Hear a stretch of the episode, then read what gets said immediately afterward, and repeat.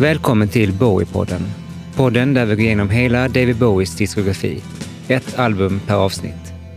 I det här avsnittet ska vi lyssna igenom Blackstar och till min hjälp har jag Bowie-nördarna Martin Ingar och Måns Wislander.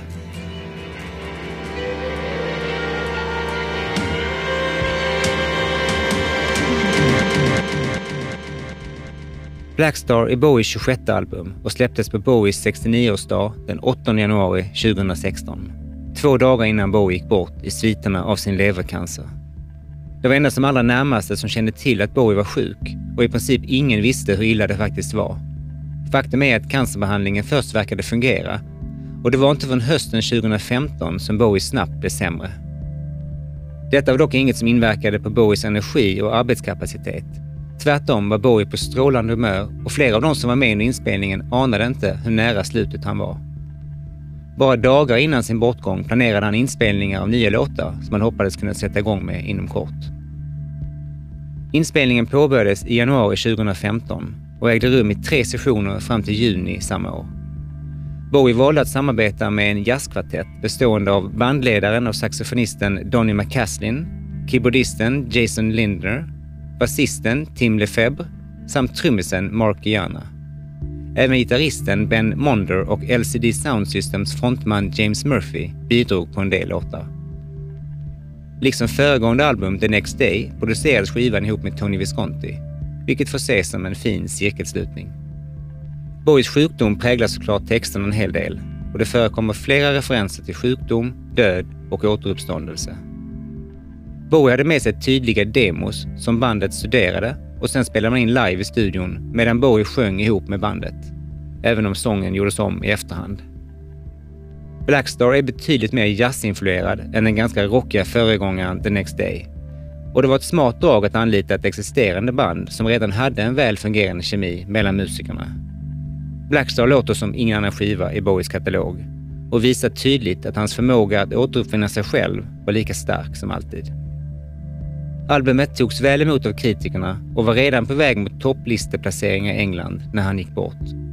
Det blev Bowies första albumetta i USA och det årets femte mest sålda album. 2016 lyssnade man på Lemonade av Beyoncé och A Seat at the Table av hennes syster Solange. A Moonshaped Pool av Radiohead, Anti av Rihanna, Blonde av Frank Ocean, The Life of Pablo av Kanye West och 22 A Million av Bon Iver. På bio såg man Arrival, La La Land, Moonlight, The Force Awakens, Deadpool, The Revenant, Moana och Finding Dory. Andra världshändelser värda att nämna är att England folkomröstade om att lämna EU. Trump vann presidentvalet i USA. 49 människor mördades i en massskjutning på en nattklubb i Florida. Alicia Vikander vann Oscar för bästa biroll för The Danish Girl och Bob Dylan tilldelades Nobelpriset i litteratur.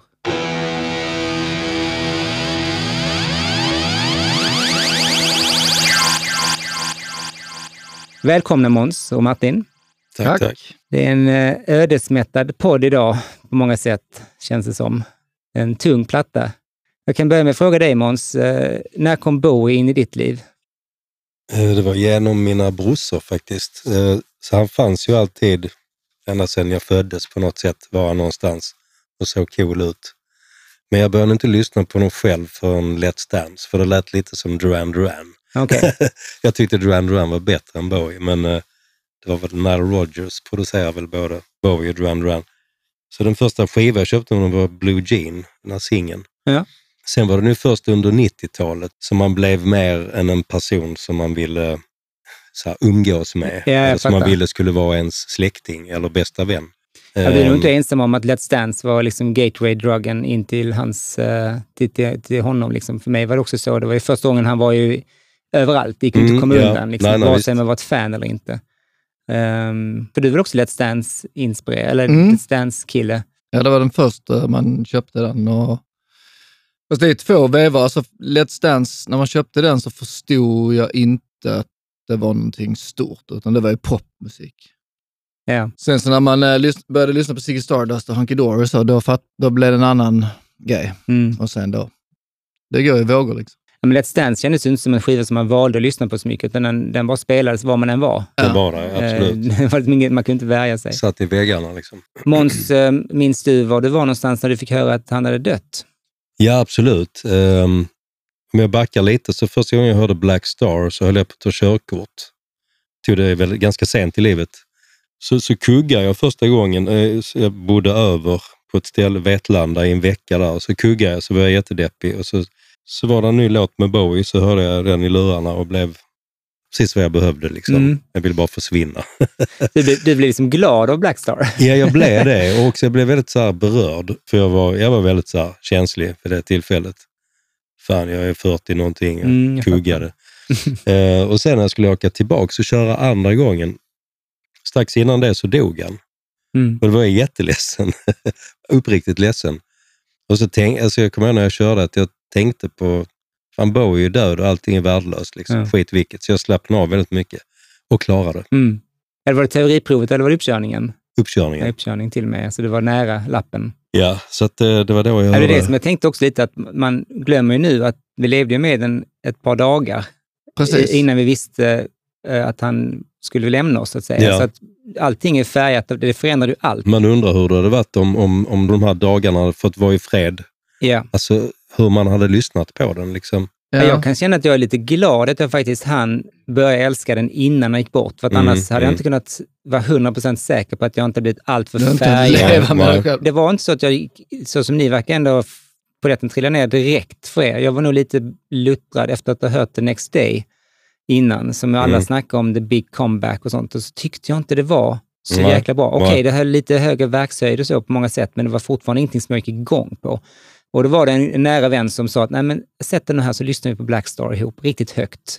Och bara liksom Det var här. detta. Det var här i Gula studion till och med. Jag minns du sa. Och då var det sådär, ah, okej då.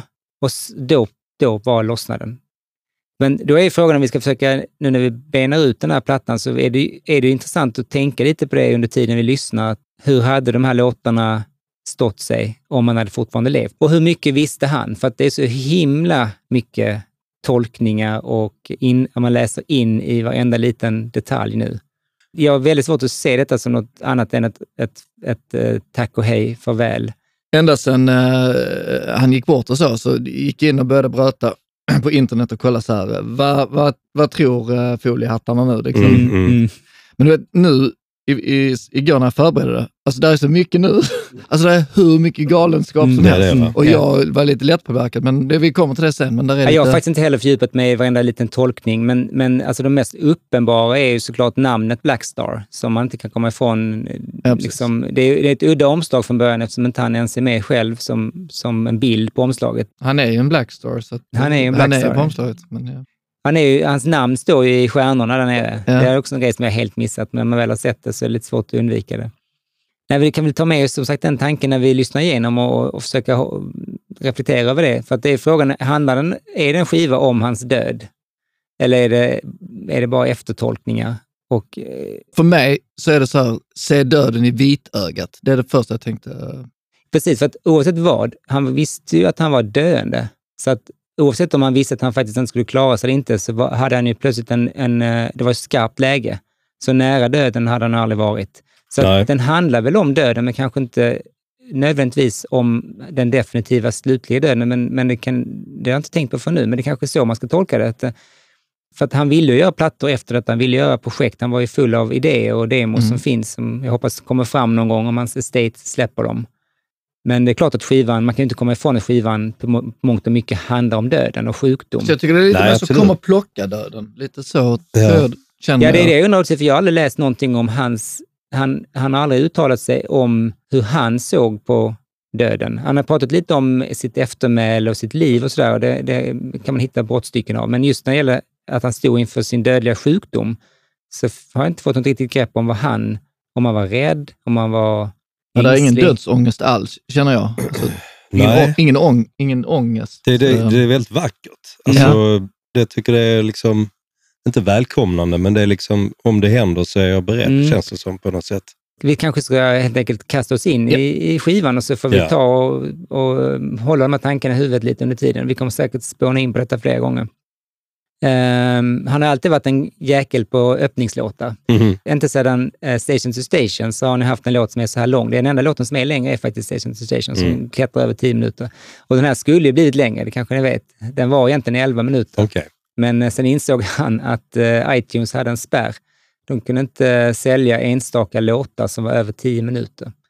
Och då kunde inte han förlika sig med att det skulle finnas två olika versioner, en nedklippt version och en albumversion, för han tyckte det kändes messy. Så då sa han, vi får kutta lite. Vad som klipptes bort vet jag inte, men eh, för mig är den en perfekt längd. Så nu är det 9.57. Det, jag tror det är den bästa texten han faktiskt har skrivit. Tror jag.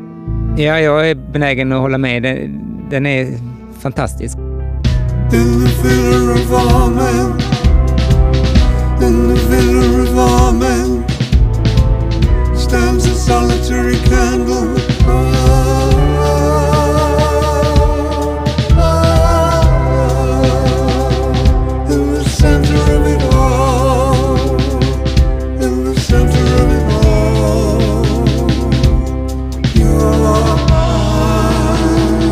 Den släpptes ju från början som en slags ledmotiv till eh, Johan Rengs serie ehm, The Last Panthers.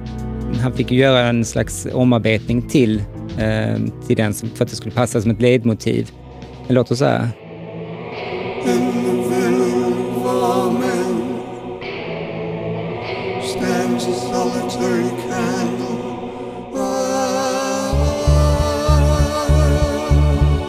Kan tänka mig att det funkar ganska bra som ett eh, introduktion till någon serie.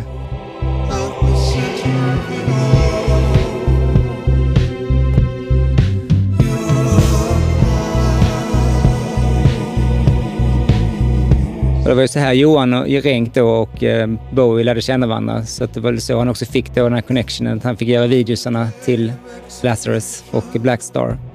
Johan Renck eh, sa i en intervju på en, hans möte med Bowie eh, inför att han fick höra Blackstar-låten framförallt. Så säger han, I was back in New York and I went to see him and he played it for me in his office space, so I was there with him. He put his hand on my shoulder and just before he started playing, he looked at me in the eyes and he said, It's 10 minutes long, just to sort of warn me.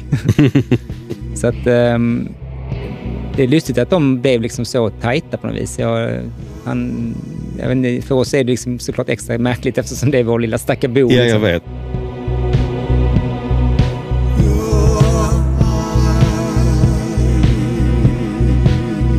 Men vi kan väl gå tillbaka till originalet för den här versionen är ju bara en kuriositet. Ja.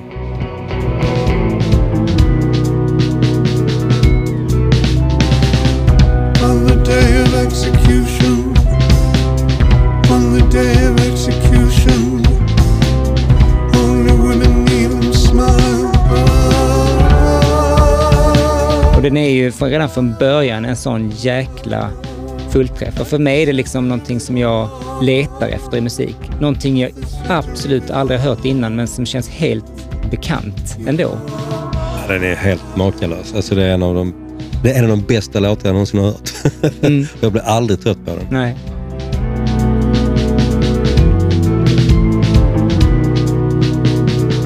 Och speciellt i början där jag hade problem med att fatta var eh, min här, matematiska musikhjärna, vad är nu ettan med trummorna Mm, där? Och det, det tog bara några sekunder. Sen när man är inne där så är det som man, man är bara fast liksom. In the villa of all men, in the villa of all men, stands a solitary candle. Och, och att, han, att han har så, hans gamla, gamla röst. Jag älskar den.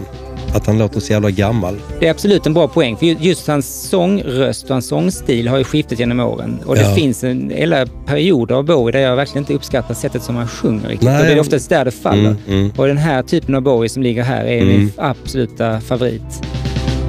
On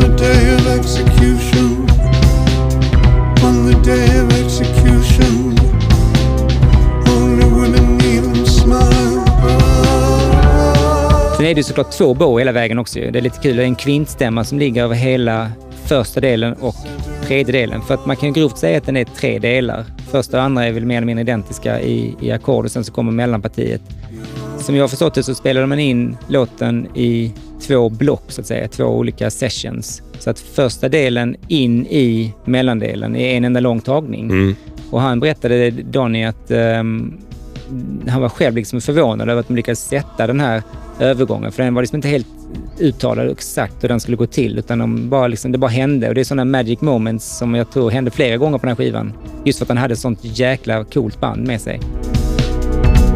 Your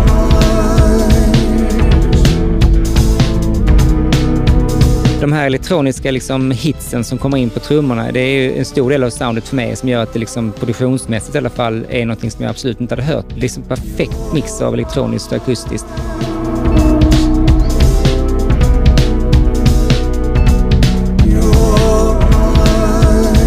Jag visste inte att det var en jazzkvartett, så för, för mig när jag hörde det första gången var jag tänkte okej, det mest coolt programmerade trummorna jag hört någonsin. Hur fan, vad är det för trummaskin? Jag kunde Ja. inte fatta att det var spelat. Nej, nej.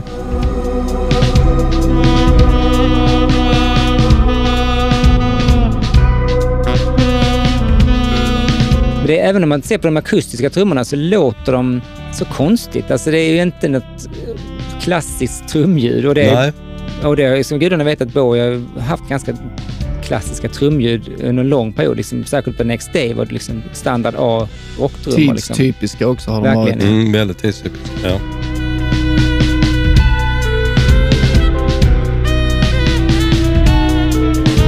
Jag kan ju störa mig jättemycket på att han inte fick tid att göra tre plattor till med de här Ja. killarna. Liksom. Eller ett, ett live-gig. Ja, gud ja. Alltså, skivan heter ju Blackstar, det vet vi, och låten heter Blackstar. Men då är ju såklart en fråga, vad är en Blackstar? Och det finns ju jäkla massa olika förklaringar och eh, tolkningar. Eh, jag har en liten lista på olika saker som en Blackstar kan innebära. För det första så kallar man då Saturnus förr i tiden i gammal judendom för The Black Star. Och sen tydligen är det också en symbol som man ser på mammografi. Så det är en slags eh, tecken som indikerar en eh, godartad Mm. cellförändring. Så det behöver inte vara en cancer, men det, kan vara, det är någon form av eh, märke som man ser på, på mammografier. Så det finns en cancerkoppling.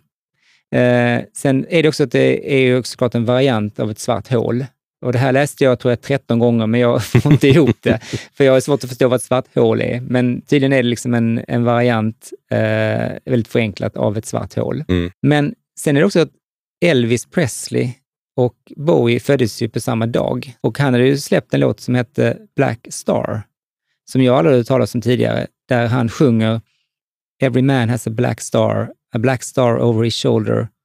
And when a man sees his black star, he knows his time, his time has come. Okej. Every man has a black star, a black star over his shoulder. And when a man sees his black star, he knows his time, his time has come. Opoppigt rim. Mycket bättre. His time is over. Ja. shoulder. Åh, Elvis och Bowie hade dessutom samma skivbolag länge ju, Okej. RCA. Mm. Eh, en, eh, det finns en hiphop-duo också i New York 1997 som bestod av Mos Def och Talib Kweli. Bowie var ett stort fan av Mos Def, så att det är inte omöjligt att det kunde finnas någonting där. Blackstar-duon, alla talas om. Men slutligen i alla fall så var det också att Bowie var ett stort fan av serien Peaky Blinders. Mm. Vad är storyn med, med kepsen där? Ja, storyn är att Bowie skickade till med skivan då till upphovsmannen till Peaky Blinders som heter Steven Knight. Mm. Och så sa han att eh, var snäll och använd min musik om du vill. Finns någon plats i kommande säsong så feel free. Den skulle göra mig glad ungefär. Mm. Ehm, och sen stjärnan då i serien, Killian Murphy, han skickade sin keps till Bowie, bara som en hyllning, liksom, Okej. som, en, som en present. Och eh, Bowie återgäldade då med att skicka tillbaka ett foto där han hade på sig kepsen. Så Mm. det var lite bromance där. Det finns också i säsong ett finns det en storyline där huvudkaraktären Thomas Shelby ritar en svart stjärna i sin kalender för att visa då, eller markera den dagen då han ska hämnas på alla sina fiender. Så att då är frågan om allt detta har varit någonting som har lett till att Bowie valde att kalla skivan Black Star.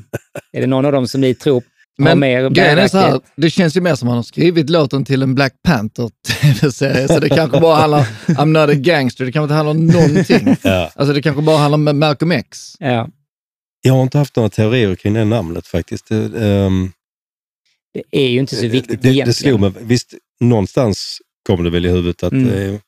eh, men men man hade, det är inte den mest märkliga texten han har gjort.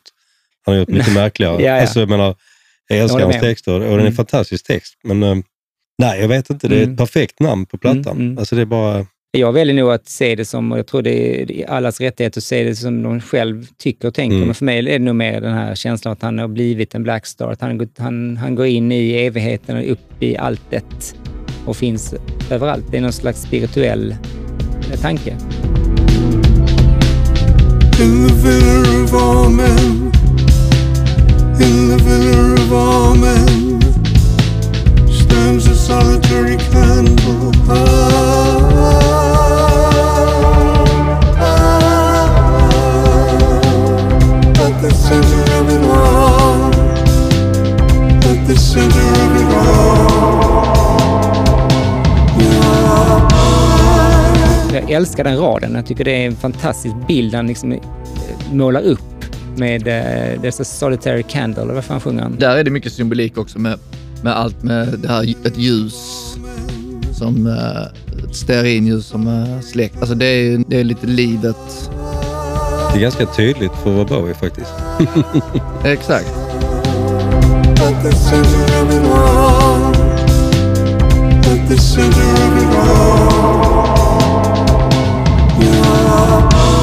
Det finns ju en svag orientalisk touch i det också, som Mm, man också har varit mm. inne och dabblat i innan, ju, både på Berlin-trilogin och andra plattor. Liksom.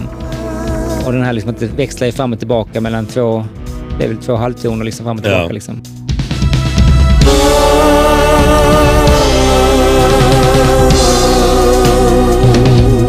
Vet ni om det är riktiga stråkar på den här? Jag har alltid fått en intryck av att det är bara syntstråkar. Inte hundra. Jag kollade lite på Wikipedia på tåget hit. Men, men eh, jag, jag, jag tror inte jag läste någonting om stråkar faktiskt. Jag tror inte det är det. Det här är också så mycket Berlin, eh, lite low heroes. Mm.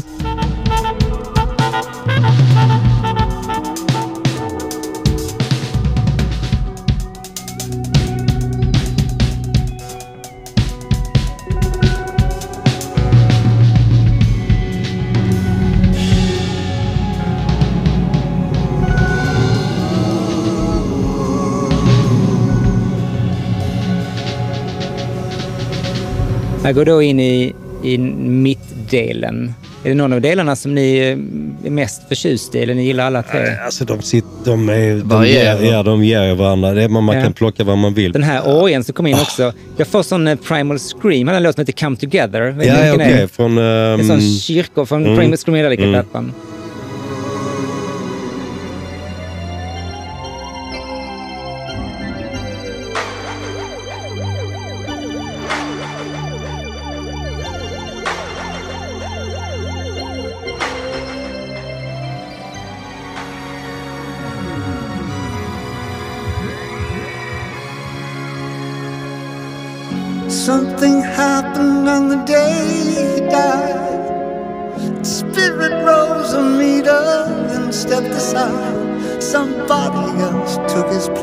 får egentligen hela första delen igen i slutet, fast med ett rakt komp.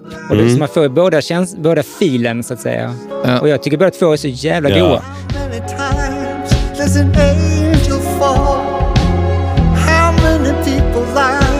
Men de det här ekot som kommer in på rösten här är också så perfekt mixningsgrej.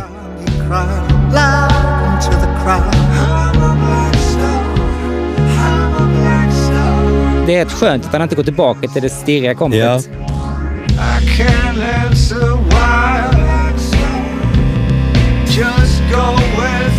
Men här är man inne liksom och diggar. På, Ja, men här är ju soul liksom. Ja. Här är det, alltså, här är ni Young Americans ja, nästan. ja, det är fantastiskt. Take your passport and shoes and your sedatives.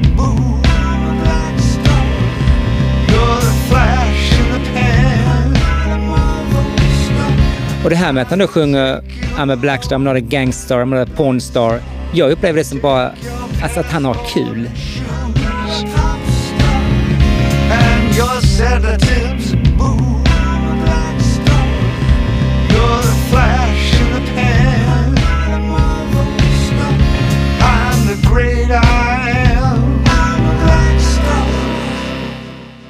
Jag har ett litet klipp där Tony Visconti eh, berättar lite om inspelningen av eh, Blackstar. So David had a lot of vocal ideas that needed to be done.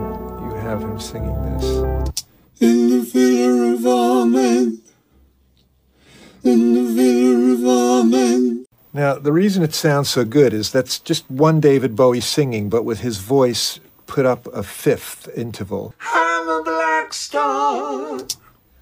This is uh, a tradition that David and I always had. Like, how can we mangle the voice? Uh, you know, how could we change it and make one person sound like many people and in many different contexts and in many different spatial areas? I'm a black star. David is like some like bizarre skeletal choir doing "I'm a black star, I'm a black star," this this weird thing. It, it's it makes this whole section very supernatural. Somebody else took his place and bravely Ja, cried. det, det, för de här Blackstar-körerna, de, de har liksom en lite... De låter inte naturliga riktigt. Nej, de är skitstöriga, men på ett underbart sätt. Ja. Alltså, jag blev väldigt bekymrad första gången jag hörde dem. Alltså på ett bra sätt.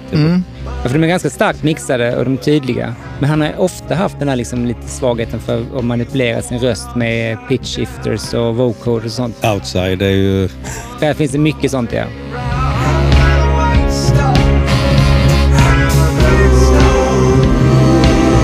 Det skulle kunna bli så pajigt. Ja, men det men det perfekt. funkar jättebra ja.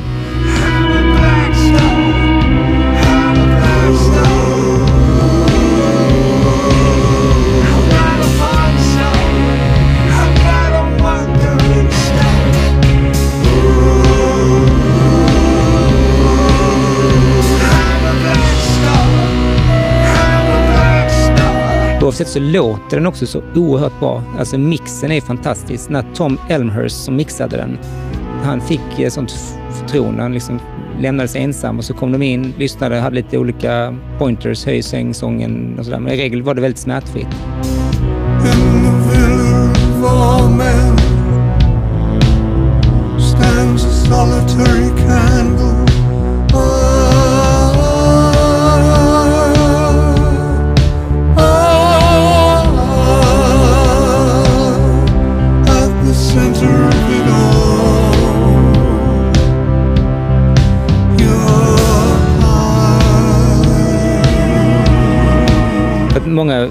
Gånger när en låt är så här lång och har så många delar, alltifrån Paranoid Android eller Bohemian Rhapsody eller vad det må vara, så är det ändå så att vissa delar är man ibland inte pepp på. Man känner, ja okej, nu kommer den delen, alright, men man längtar till en annan del.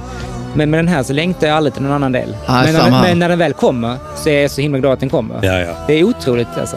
Ja, och den här är ju, skulle kunna, jag hade gärna sett att den pågår tio minuter till. Alltså det är Exakt. liksom bara ett, ett tillstånd, hela låten. Hela albumet eh, känner jag eh, behöver inte ta slut.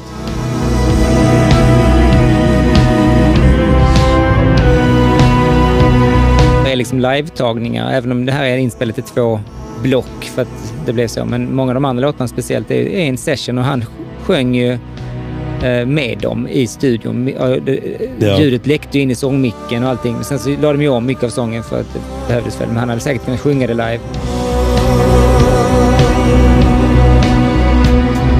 Processen som jag förstod det var att de lyssnade på hans eh, demos och sen eh, gjorde man i princip det man ville. Han var ju väldigt tillåtande. Det var aldrig så att han liksom kom och kopierade varenda not, utan han lät folk göra vad de kände och så såg man på honom om man diggade eller inte ungefär.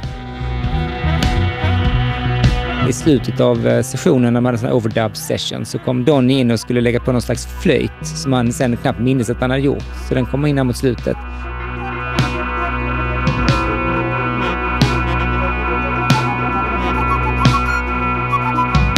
Det var liksom hans egen bidrag. Det var ingenting som fanns på demon. Jag gillar den som fan. Mm. Det är så jävla härligt ja. Det kommer in som en sån perfekt liten grej i outrot. Ja.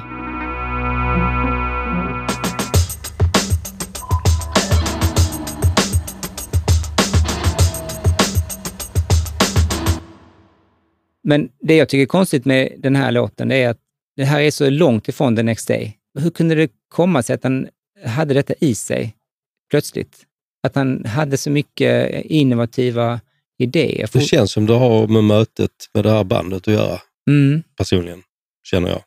Ja, för hade han försökt Alltså- att hitta ett rockband och bett dem att spela lite jazzigt, då hade det inte blivit samma grej. Här hittar han ju ett jazzband som man tvingar att spela lite mer Ja. poppigt ibland i alla fall. Jag gillar egentligen inte riktigt Bowies gitarrister och och så alls. Intressant. Ja, för jag tycker det är så skönt att avsaknaden från en gitarrist, att Mm. saxofoni- Mm. saxofonen har tagit Mm. den rollen istället. För här är inga distade gitarrer och inget massa sånt där. Liksom, här är kanske lite så ebo och någon koroskur och det gillar man ju. Ja. Jag tror det är väl lite därför soundet har kommit till, tror jag. Att han har skitit i gitarren. Han har ju alltid haft en svaghet för jazz, även genom hela sin karriär. Liksom. Haft liksom den här um, This is not America som jag gjorde med Pat Metheny och sånt, med skitskön Mm. låt ju. Och Fantastisk låt. en av Och, hans eh, bästa. Och även, Verkligen. även Mike Garsons pianogrej på Aladdin Sane och Outside som du nämnde innan. Alltså Mm. det är Det är fantastiskt svinbra. och riktigt out there. Det är ju atonalt och det är, tar rätt mycket Ja, plats. Thelonious Monk liksom. Ja, Alltså, ja. Jag tycker inte om att rangordna liksom någonting, men den är ju så jävla bra så att... Mm.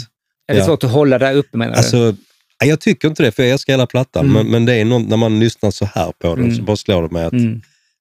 den, är ju monument, alltså, den är så monumental. Den är ju perfekt. Många hade ju satt den sist. Ja, visst, det hade varit en perfekt sista Ja, låt. mycket gåshud och tårar Mm, verkligen. har kommit med den här låten.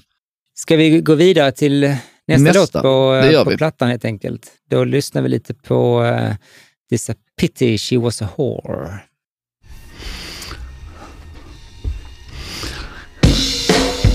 Låter som att den börjar med att någon snortar kokain.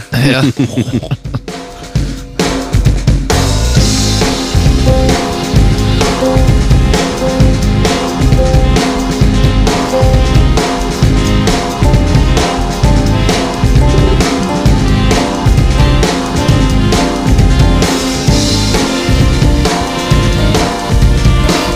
Alltså det är så jävla bra. Jag blir helt matt. Alltså det är ju en riktig käftsmäll eh, i form av att det liksom är ju en låt som eh, egentligen inte har... En, det ger ju liksom inget andrum. Nej, Det är tension hela vägen igenom. Bra låt efter Blackstar. ja men det är det. Det är som en palate cleanser liksom. Ja. Man, she punched me like a dude.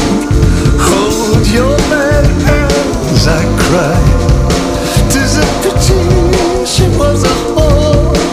Denna här tycker jag inte riktigt passar in Nej, på albumet. Det är den, ja. Det här är inget i texten som ger mig någon... Titeln kommer ju från en, eh, de sista raderna från en pjäs från 1633 av Ja. John Ford. Jag hörde det. Okej. Och storyn Ja. i den pjäsen är eh, egentligen lite lustig för att den här titeln är ju tagen från, från de här sista raderna. Men själva storyn i den pjäsen är sen det som ligger till grund för Sue. Så att Okej. eh, det är lite märkligt att den pj- pjäsen har influerat honom på två av låtarna. Mm. Black struck the kiss, she kept my cock. Smoke the mistress drifting on. Tis a pity she was a whore. För den släpptes ju som en singel 2014 först. Men det var en- inte med detta bandet va? Nej, det var här han träffade Donny första gången. För Donny spelade i ett band som leddes av Maria Schneider. Mm, just det. Och hon blev ombedd av Bowie att eh, göra en uh, jazzbearbetning av någon av hans låtar. Och då valde hon Sue.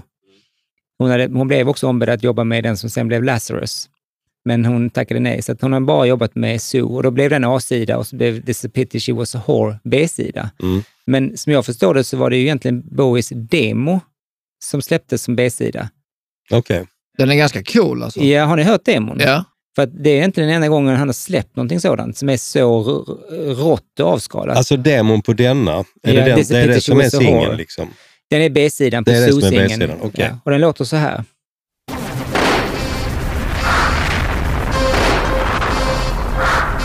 De här interljuden kommer från THX 1138, George Ja, Lucas okej. första film. Ja, ja.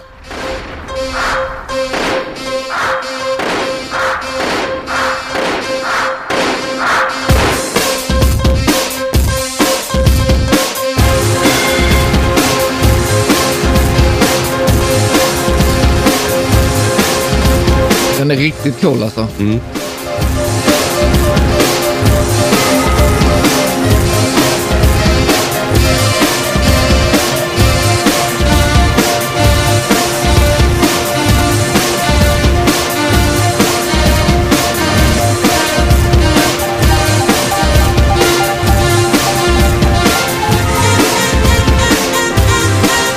And she punched me like a dude.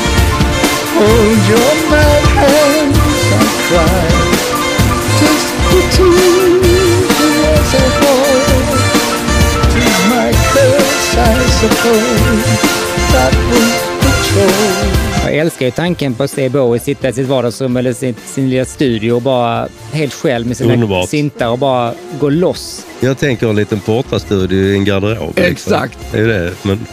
jag ser Bowie med en liten porta bara. ja.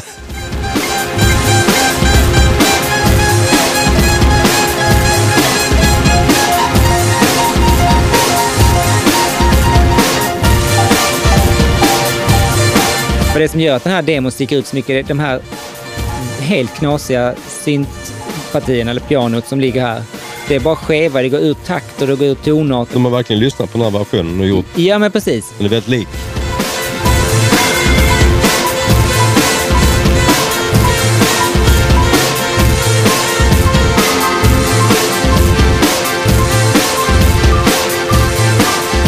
På den slutliga versionen sen så hör man ju liksom det här, eh, någon som har försökt åtminstone härma de här konstiga fraserna.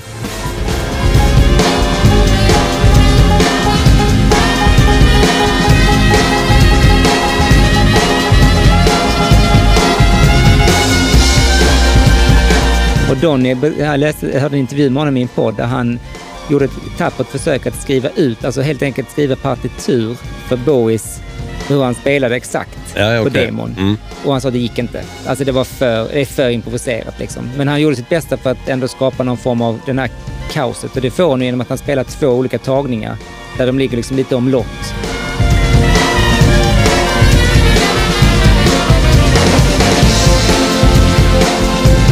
Det där kaoset har ni lyft in på ett jävligt snyggt sätt.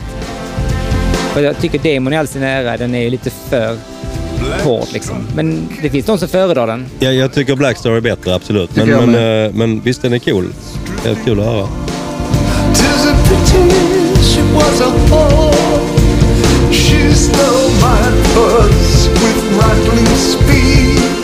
Jag minns bara att jag tyckte det var så jäkla konstig titel. Innan jag visste bakgrunden till det så tyckte jag det var riktigt märklig. Jag fattar ingenting. Nej, av- nej. Det gillar jag inte med Bowie när han tar liksom en sån gammal mm, pjäsreferens. Som inte, jag, jag märker direkt att han har snott detta här för någon ju. För ingen pratar så. Jag skrev här, jag tycker fantastisk sångmelodi. Mm. alltså fantastisk låt mitt i sitt kaos. Mm.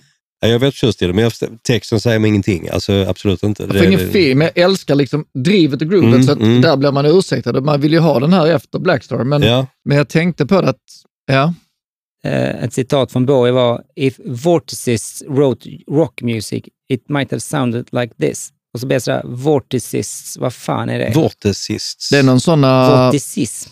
Vorticism, det är väl någon konstform? Alltså det är någon äh, tidig avantgarde eller scen? Jag. Okej. Exakt, jag visste inte alls vad det var. Jag lånade en definition från Wikipedia helt enkelt. Vorticism är radikal brittisk konstinriktning som hyllade kraftutvecklingen och energin i det moderna maskinsamhället. Det fattar ju alla när han säger det. och Du kan alla referera. Ja, ja, Lite såklart. dadaistiskt. Det har han rätt i. Ja, precis. Det är väl en, ja, precis lite att den... Uh, finns ganska coola grejer. Man, ni, jag tror ni vet, när ni ser uh, konststylen så kommer ni till att fatta. Bara vi kanske inte visste att det hette så bara. Ja, den Ja. har ni sett. Jag har bara hört det någonstans Mm. i samband med dadaism och sånt skit.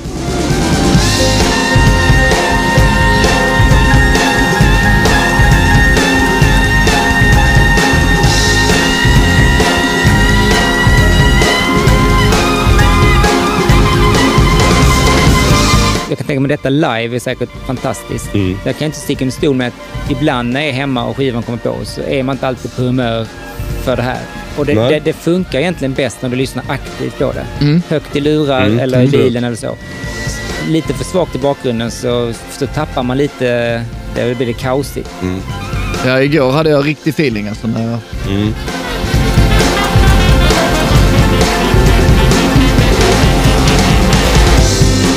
Man, she punched me like a dude.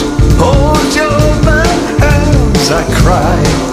Och det blir som kontrast också mot att han sjunger. Den är ju inte särskilt punkigt eller hårt utan han, Nej, han bara ligger ligger där ovanpå och svävar. svävar. Ja. That was patrol. That was patrol.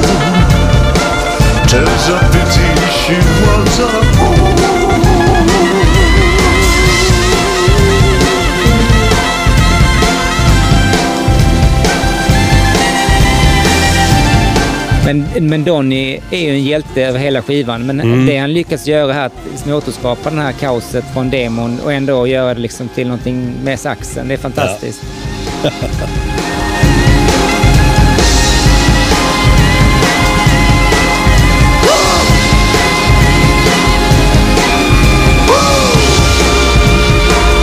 Ja, jag ska gilla skriket där. Jag älskar de skriken, Det är så jävla fint alltså. Får riktig feeling där. Ja.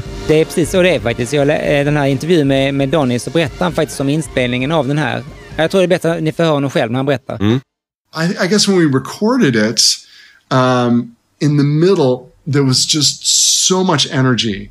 And um, I was playing really like hard on the instrument, blowing hard, probably tenser than I should have been. And I could feel myself kind of struggling to play. And we went in to listen to the playback and Mark was saying, Mark Juliana, that he like had dropped his drumstick at one point or he was hitting so hard that his hand was cramping up.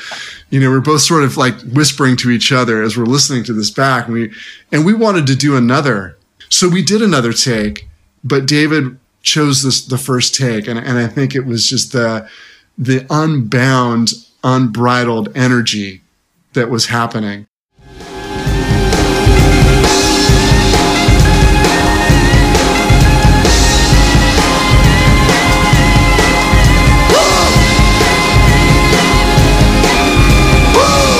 Jag kan tänka mig ändå att stå i lokalen eller stå i studion och, och känna detta live. Det är nog Ja, lite tryck gud, ja. alltså.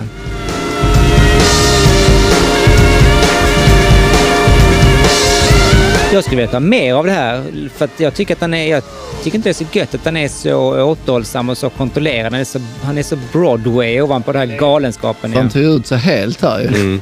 Jag vill ha mer. Jag vill ha Ja, mer. du vill ha mer och pressa Han ska ut sjunga ihjäl sig. lever. Ja. Men då kanske vi ska lugna ner tempot lite då och gå vidare till låt nummer tre. Mm. Som är Lazarus, exakt.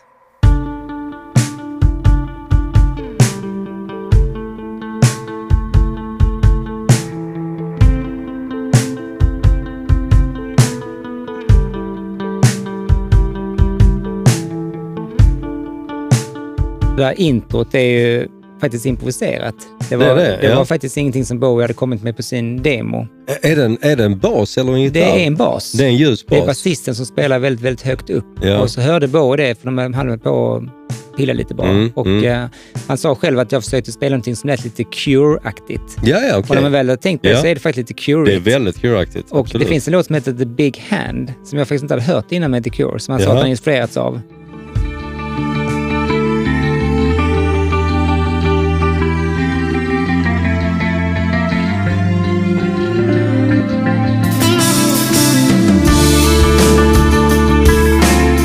Okej. Den är från EPn Letter to Elise. Och det kommer Okej. väldigt mycket om Disintegration. Ja, han gillar Cure, det vet jag.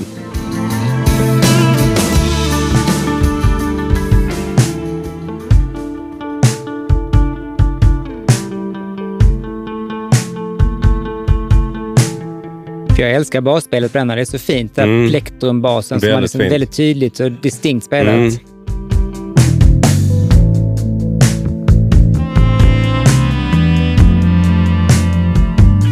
Jävla mysiga små basriff. Ja. Ja.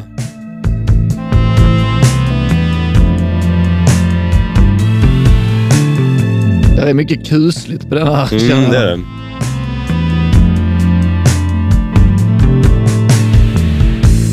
Look up here, I'm in heaven. I've got scars that can't be seen. I've got drama, can't be stolen. Everybody knows me now. Det, det, var en av låtarna som man ville göra med Maria Schneider. Ja, okej. Men eh, det blev aldrig någonting.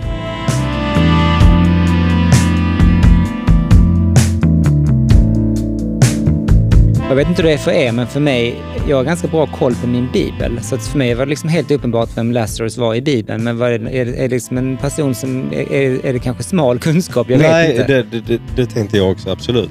Han återuppstår. Men det jag, det jag inte visste var att det finns två figurer i Bibeln som heter Lazarus. För det första är det då den här bibliska figuren som Jesus återuppväcker från de döda efter fyra dagar. Ehm, och sen är det tydligen en annan historia som handlar om en tiggare som satt utanför en rik mans port och tiggde tills han en dag dog och kom till himlen medan den rike mannen kom till helvetet. Så att jag tänkte att det måste ju såklart handla om Lazarus, den första så, såklart, den mest kända. Ja. Look up here, man, I'm in danger. Är det Bowie som kör den här... Just det, gitarrhooken som kommer in är lyft rakt ifrån demon faktiskt. De kunde inte återskapa det. Han hade spelat in det hemma och, eh, och lustigt nog hade han använt eh, Mark Bolans gamla strata. Han hade fått den i present av honom några dagar innan han dog. Så att det är extra gött. Det låter lite så, eller hur? Ja, det är gött. Alltså du menar den här down, Ja. den. Down, down, ja, down, det, ja. det är som en skalpell. Alltså. Mm, den den är är så stenhård, jävla alltså. cool är den. Drop my cell phone down below.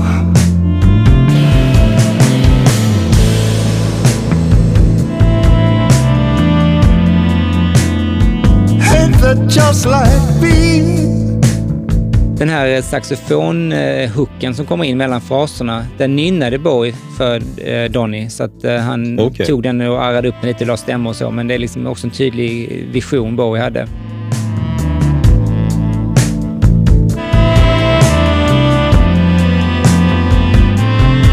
Det är så otroligt långsamt. Det tar typ en minut för dem att beta av 16 takter. danger. I've got nothing left to lose. I'm so high it makes my brain whirl.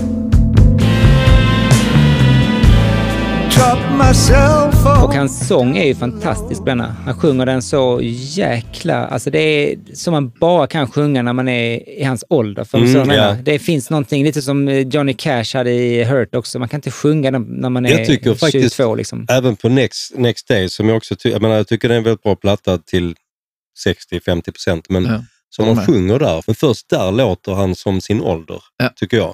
Vi måste nästan höra på ehm, lite av hans isolerade vocals. Ni Mm. kanske har hört det. Look up here, I'm in heaven. I've got scars that can't be seen. I've got drama, can't be stolen. Everybody knows me now. Look up here, man, I'm in danger. I've got nothing left to lose. I'm so high it makes my brain whirl. Drop my cell phone down below. Oh, I'll be free. Ain't that just like me? I've got nothing left to lose. I'm so high it makes my brain whirl. Drop my cell phone down below.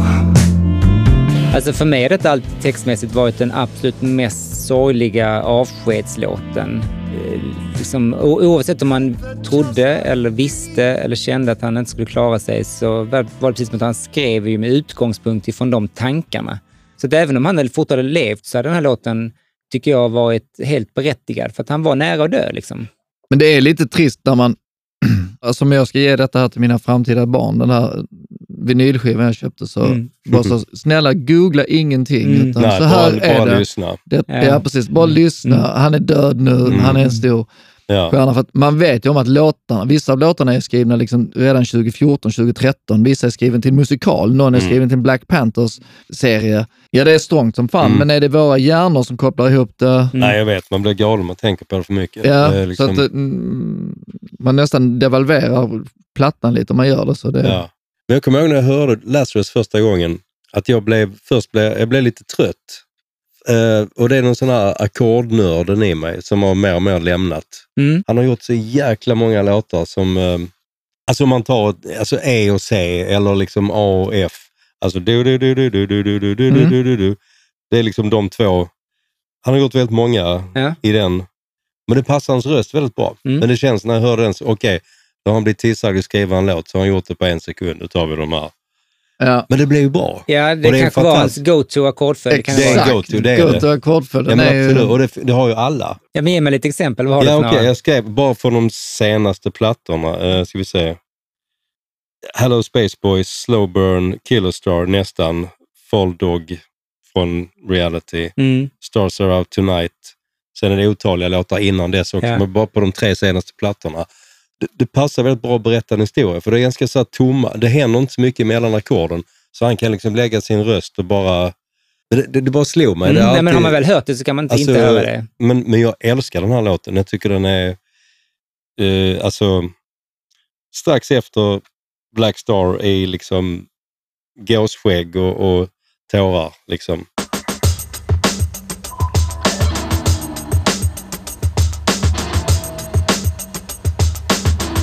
Bowie hade ju alltid velat skriva en musikal. Han Mm. har drömt En om det länge. ja. Han, det är en slags uttrycksform som jag personligen har väldigt svårt för. Jag har aldrig förstått varför folk tycker det är så viktigt att skriva en musikal. Men han, redan när han var 21 år gammal så skrev han ett utkast till en slags rockopera om en man som håller en självmordsfest som då hette Ernie Johnson. Okej. Eh, Och det fanns ju även planer på att göra Ziggy Stardust till en musikal, men Mm, det blev mm. ingenting. Och sen så vill han ju då mest känt kanske göra 1984, Mm. som sen då sköts i sank av eh, Orwells änka. Och jag tror bara att han hade för dåligt tålamod för ett sånt jätteprojekt, så att han övergav ju idéerna innan han ens hade tagit dem halvvägs. Liksom. Och efter sin hjärtattack, eh, när han liksom drog sig tillbaka 2004, så slutade han ju turnera och han slutade göra skivor. Så han, gjorde, han var med sin dotter och sin familj. Och då fanns det plötsligt en massa tid. Så då tog han tag i det här projektet igen, sin, sin dröm kan man väl säga, att liksom göra en musikal. Då valde han att köpa rättigheten till boken eh, The Man Who Fell to Earth, som han har varit med i då när han spelade huvudrollen 1976. Och då tog han kontakt med en författare som heter Michael Cunningham för att diskutera då sina planer på att basera en, en ny musikal på den här boken som skulle handla om Newton, som huvudpersonen heter, i sin ålderdom. Och han sitter helt fast på jorden, kan inte komma hem till sin planet. Eh, och de kom ganska långt, men sen bara föll isär också och ingenting hände. Som Boel beskrev det var att han hade börjat fundera på hur det kommer sig att vissa artister och konstnärer inte ses idag som särskilt stora. Alltså som har blivit liksom lite bortglömda, utan det enda man minns är en liten, liten, eh, ett, ett litet brottstycke av hela deras verk. Och ett exempel då för, att, för det han menade var att det finns en poet som heter Emma Lazarus, som Okej. är mest känd idag. Trots att hon har gjort en rätt så diger produktion, så är det hon mest ihågkommen idag är för några enstaka rader som kom från en dikt som hon skrev som hette The New Colossus. Och den skrev hon för att samla in pengar till eh, bygget av Frihetsgudinnan. Och det är de här Give me your tired, your poor, your huddled masses yearning to breathe free, the wretched refuse of your teeming shore. Send these the homeless tempest tossed to me. I lift my lamp beside the golden door. Det Okej. står på plaketten Mm. tydligen. Och då, jag kan förstå vad han menar, att, att vissa, att det är precis som vissa författare skrivit kanske 30 böcker, men så minns man bara en, en, bok. eh, Eller ja. sådär. Absolut. Hur som helst, trots att Bowie återvände till musiken och började då ge ut musik igen i samband med The Next Day, så eh, hade han ändå energi kvar till den här musikalidén. För att annars hade man kunnat tänka sig att den också skulle bara helt glömmas bort. Men det gjorde han inte, utan han tog tag i den och bytte riktning lite och ändrade om lite och gjorde det till en slags drömlik jukebox-variant där mycket av hans gamla låtar sjöngs ju av, i olika versioner. Det är som en slags eh, Moulin Rouge av alltihopa. Jag har inte sett den. Nej. Och där Eh, blev Emma Lazarus en av huvudkaraktärerna. Hon Ja, spelar okej. eh, en person som blir kär i Newton nämligen. Mm. Men det ändrades sen. Eh, huvudkaraktären spelades för övrigt av Michael C. Hall som, Jag vet. som Dexter. är Dexter Fame. I love Dexter. Men sen ändrar man i alla fall det så att den här eh, Emma Lazarus eh, försvann från, från manuset och, då, och istället ändrade man det så att det blev huvudkaraktärens assistent eller något liknande. Men i samband med det här så uppmuntrade producenten Bowie att kan du inte skriva lite nytt material till musikalen? Och då kom man in med den här låten Lazarus som från början hade hetat Bluebird Mm. i sin demoversion. Så detta var en av de första låtarna man spelade in till plattan Blackstar i Ja. första sessionen. Ehm, och uh, lite kuriosa är att versionen på skivan är andra tagningen.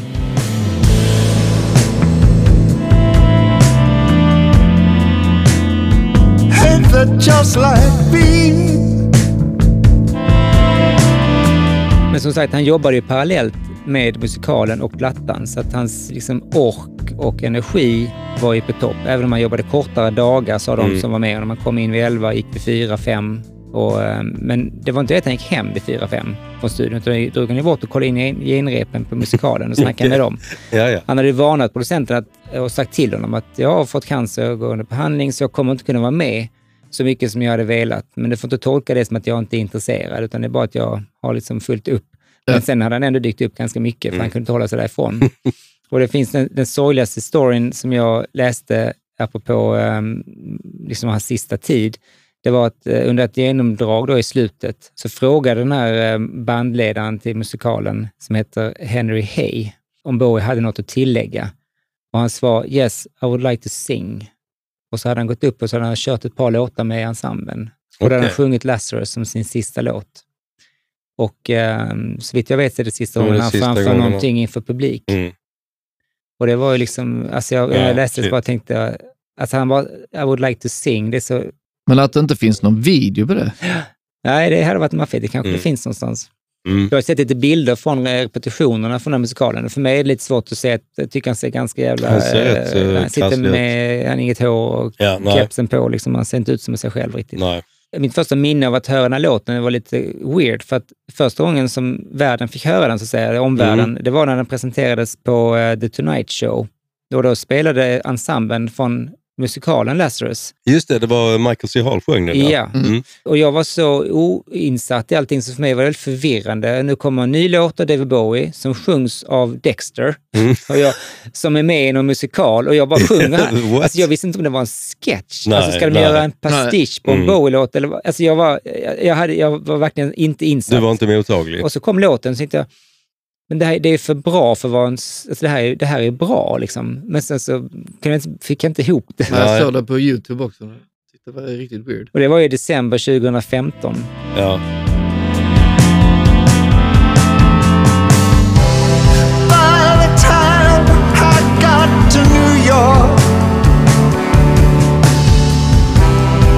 I was living like a king. Det här partiet är underbart. Ja. Det här alltså. Then I used up all my money. I was looking for your ass. Looking for your ass. Den textraden sticker ju verkligen ut. Ja, det är så Så jag snyggt. leka med tanken på att han kanske inte alls menar ass. Menar han kanske åsna? Åsna, lyckna. ja, Jesus precis. eh, Ja, just det. red ju på en åsna. Ja, du. Ah, Intressant.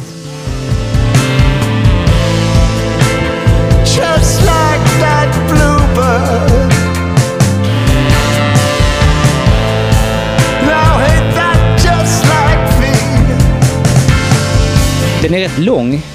Eh, sex minuter. precis. Oh. Alltså, just, ja, som sagt, hela slutdelen är ju liksom... Ja. Den, den har ett ganska långt outro faktiskt. Ja, ja men det har den. Och det är jävligt svängigt där i slutet. Extremt gött att de har det. Ain't that just like me?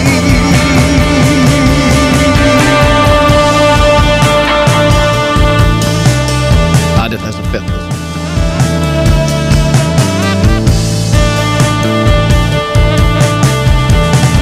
Ja, för mig är nu detta också en av eh, höjdpunkterna på skivan. Denna och Black Star. Detta är hans svansång. Mm.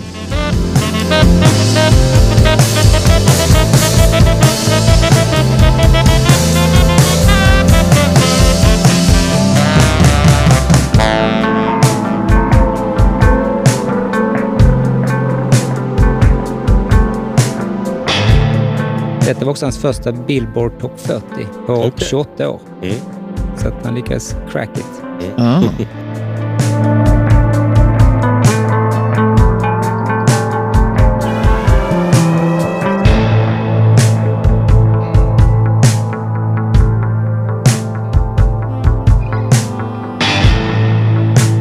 Detta är coolt. De här, alla, allt det här kusliga är coolt. Mm.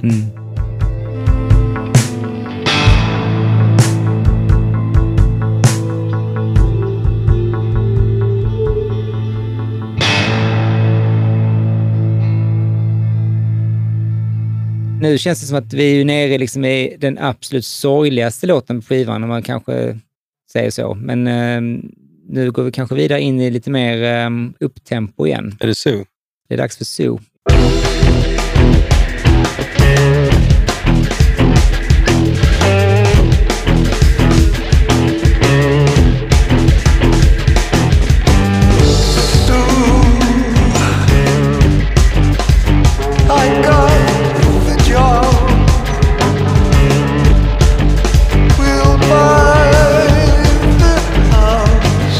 Jag älskar den låten, men detta är också en jag inte tycker passar in.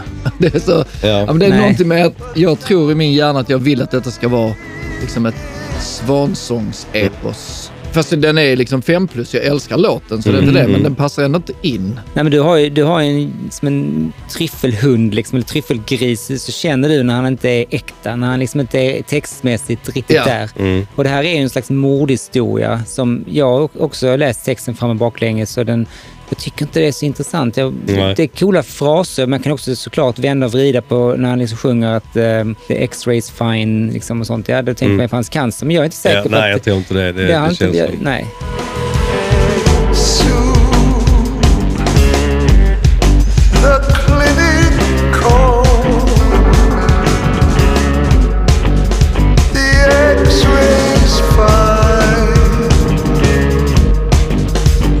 Den här, den här storyn i pjäsen är ju ganska bisarr. Det handlar ju om en incestuöst förhållande mellan en, en eh, bror och en syster där eh, det slutar med att eh, de skjuter alla. Det blir väldigt blodigt på slut. Jag, jag har inte ens satt mig in i alla detaljer, men jag är inte säker på att den här texten har med det att göra så mycket. Men han var ju inspirerad av den i alla fall. Men det, det, det blir inte så kul. Jag tycker det är mycket roligare att lyssna på Black Star och Lazarus.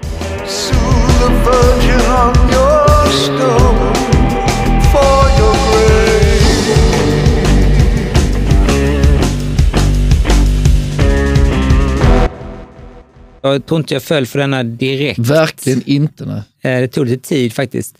Ehm, Men nu när den väl har lossnat så är den eh, en av topp top för mig. Det är, Men Bowie kan ju få en att tycka saker och göra saker som man... Hade det varit någon annan artist än detta som hade släppt, så hade Ja, jag ja. tyckt det var... Ja, ja. Hade Elvis Costello släppt det så hade jag tyckt det var lite prätt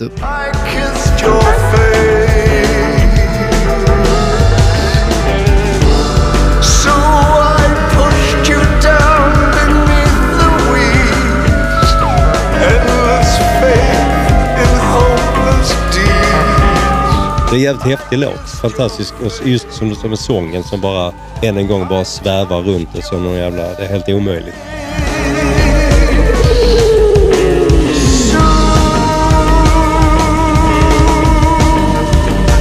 Jag är väldigt förtjust i den första versionen. Ja, för den har inte jag hört alls. Det är väl den med den ena han gjorde med, vad heter hon? Maria Schneider. Ja, precis. Den kommer redan 2014. Jag har Ja. liksom inte alls hört den. Vi kan ge den en liten lyssning för att Ja, se hur den står sig. Har du hört den Martin? Jag har hört den. We'll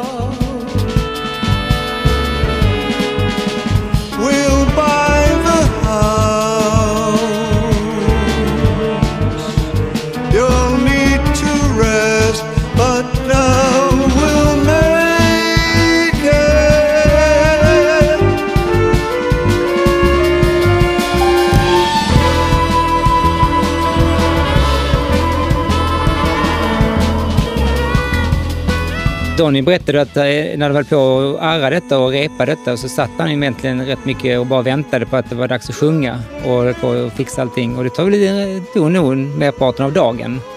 Och efter att han hade suttit där hela dagen så var det dags för att sjunga. Då gick han upp och bara brände av den på en tagning i Ja. princip. Att han hade liksom sån otrolig koll. Behövde liksom inte rätt, rätt jobbig låt att sjunga liksom. Mm, jo. Det är en jävligt så här intrikat melodi och det är liksom... Fan, kunna sjunga den som är alla jävla halvtoner och grejer och vad det är han håller på med. Det, vet, det är omöjligt att efterapa. Ja. Nej, det är helt sanslöst.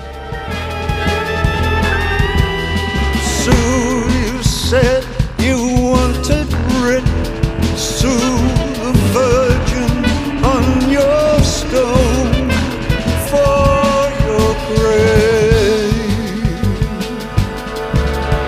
Men du var väldigt förtjust i den här versionen Måns. Jag gillar inte hela den gamla. Nej. Alltså den håller inte hela vägen tycker jag.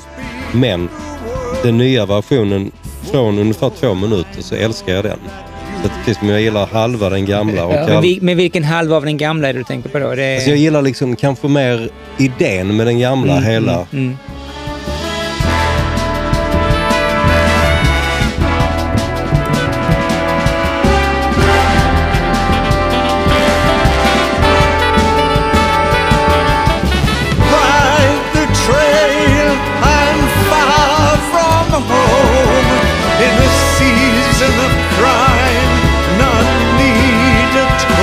Känns väldigt så här, eh, ja men mycket mer art. eh, Lite mer art, ja det är absolut. eh, Ja. Nästan som outside fast med utan halväckliga gitarrer. Ja, ja just det. Utan Reeves Gabriels. Ja.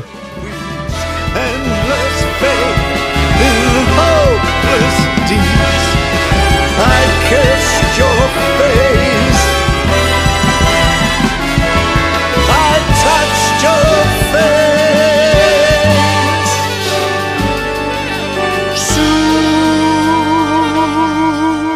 Men om vi säger så här, ni får välja en version ska bort. Den första eller den andra. Vilken är det som vinner? nu har jag gjort ett, eh, nu har jag bara totalt paradigmskifte i huvudet. Mm. Nu är det ju denna som gäller ju. Lyssningen Varför, och tror ni att han valde att inte ta med denna rakt upp och ner på skivan, utan han valde att spela in den igen? Han kunde lika gärna bara valt Maria Schneiders version. Den hade ju passat in ju. Alltså jag tror nog, det tror jag inte faktiskt. Det, Jag tror inte riktigt att det... det är för mycket storband. Ja, den, den, den helt annan vibe i den liksom. Det, Mm. Det är faktiskt Maria Schneiders förtjänst dock att eh, det var hon som presenterade eller rekommenderade Bowie att, eh, för hon hade inte tid som sagt. Det tycker du ska jobba med Don i, mitt band för han är grym. Och då gick han och kollade på, deras, på hans um, gig där man, som han hade på någon klubb. Och han visste om det. Donny visste att han var där. Mm. Eh, men de andra bandmedlemmarna visste inte det. Det var men, nog bra. Det var nog bra, ja. Och han visste inte riktigt varför han var där såklart. Men han sa att det gjorde, det gjorde mig lite uneasy till en början, sa han. Men sen valde han att bara gå loss. Han sa att det blev en ganska intens konsert där jag faktiskt släppte loss mer än vanligt. Och Bowie hade ju varit helt... Eh, Eld och. Ja, eld och Mm. lågor. Sen ville han, hörde han av sig någon vecka senare. Liksom. det är bara Bowie som kan göra det. Hade liksom vi varit på ett ställe och bara fan vad fett och gått upp så, nej tyvärr, jag har inte tid. Donny McCaslin har ju vunnit Emmy och sånt för sina Ja, egna plattor. ja. Så han är ju ingen lättviktare.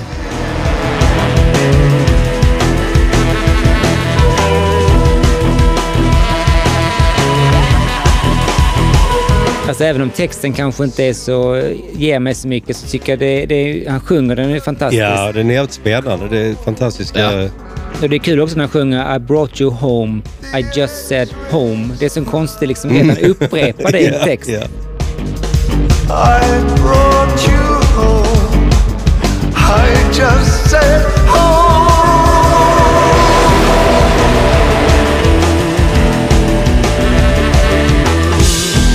Den är ju lökig, men den är ändå... Det var nästan lite Zeppelin-lök där. Ja, verkligen.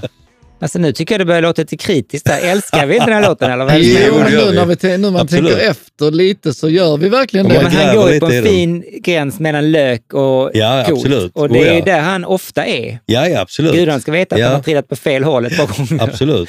Men här är han ju på 100% rätt ställe. Ja, löken är långt borta men man känner, Mm. det svider lite i ögonen. Ja, man blir lite tårögd. Ja. I kissed your face.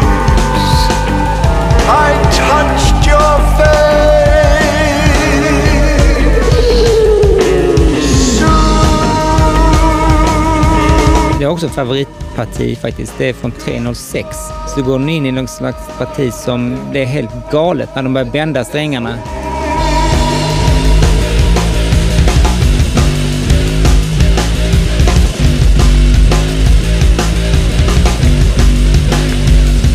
Det är riktigt coolt det där.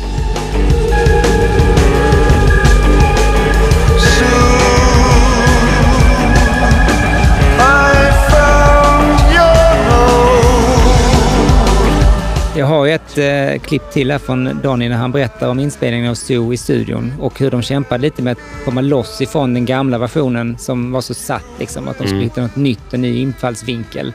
Och det var inte helt givet innan de till slut valde den här liksom drum and bassiga ehm, soundet. because the other version is so orchestral and so you know thick so so we tried a couple different things with the song form where um, we were essentially jamming on the first chord and david was singing and now we cue the next chord you know we tried a few variations of that and and it just wasn't totally locking in we came back to it another day and um, I was just playing saxophone and Jason on keys and, and it, it just felt great. And this was one where I, we got to a certain point in the form and it just went kind of free. And there's the, the, the cue for that, if y'all listen again, is where David starts to sing Sue, like in another key. And David goes, he, he modulates that was totally in the moment. Like you just heard this thing, he sings in another key, and those guys just bend. Tim boom, boom,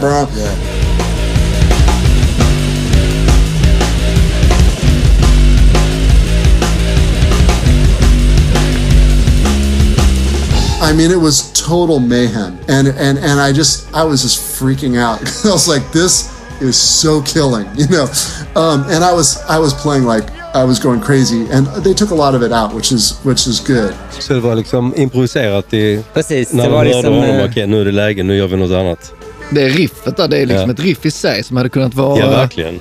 Alltså, man kunde spara det till en annan låt. Det är lite jobbigt att de säger att a lot of it out. Så jag bara, Ja. fuck, det finns mer. Ja. Ja.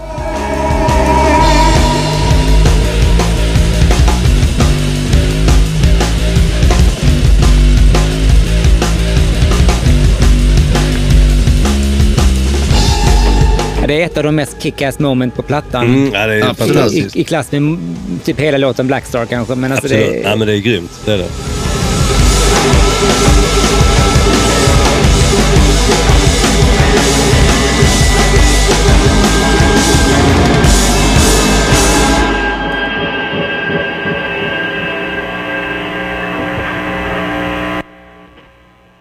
Det är så gött också när den, den slutar ju då såklart som, ett, som en sån här låt ska sluta med lite härligt eh, ojordad kabel liksom som bara gnisslar i bakgrunden. Men jag har ju aldrig haft den här replikalsgrejen när någons jävla gear har låtit som fan. Det låter okej när man spelar, men... Sen när alla slutar så hör man hur det har låtit. Mm. Ja, men den är cool. Får man säga att den är ball? Ja, Ja, jag, jag älskar den här Ja, oavkortat. och Jag det verkar som cool. att vi är alla överens i alla fall. Det är härligt. Ja. Då tycker jag vi går vidare till nästa låt som fortsätter lite på det här rockiga soundet. Eh, Girl Loves Mm. Me. Gina so sound so titty up this mouth check say Party up moods 90 fella set round on Tuesday. Real bad dizzy snatch making all the homies mad. Thursday. Pop a blind to the poly in the hole by Friday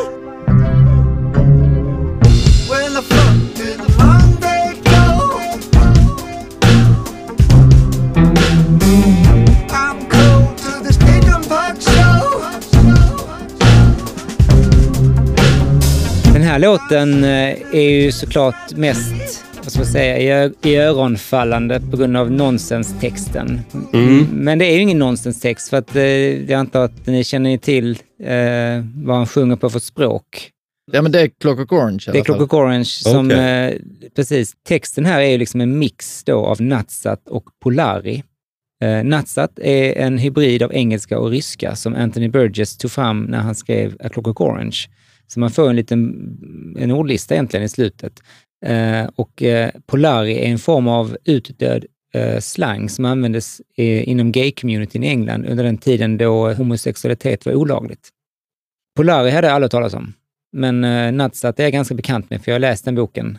Uh, och tyckte jättemycket om den som, som Mm, ung. mm. Så jag, jag har rätt bra koll. Och mycket av de här orden hänger ju kvar än idag. I, i, man, man ser ju i texter eller i andra låtar så dyker det upp lite Nadsat här och där. Men här sjunger ju liksom hela låten mer eller mindre på det. Det blir väldigt Ja. svårt att hänga med. Och jag hittade en tapper person som hade översatt den. Ja. Så att om man eh, lyssnar på texten och sjunger med på vanlig engelska så sjunger han That girl so fine, so pretty, this boy says. Let's party man. No drugs around on Tuesday. Seriously flaky slut making all the guys wild on Thursday. Cops don't know about the money coming in by Friday. Så att eh, det är inte så så djupt. Det, det är hans bästa text någonsin, helt enkelt. på, på det här sättet han sjunger det så är det då China so sound so litty up this small chick say Gina so sound so titty up this mouth check say. You viddy at the China. You viddy at the China. Judas Lee with the. Den här delen blir då You see the woman so wonderful with the red mouth face fucking with gusto. Girl watch her testicles sleep at the police station. Separate an old man from his money. Looky looky at the woman.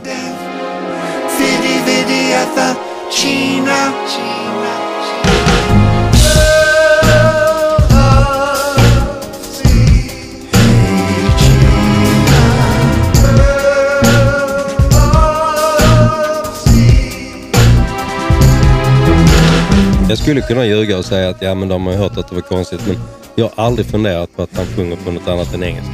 Ah, du har Alltså, bara jag- köpt jag det som bara- vokaler är och det- konsonanter. inte- Ja,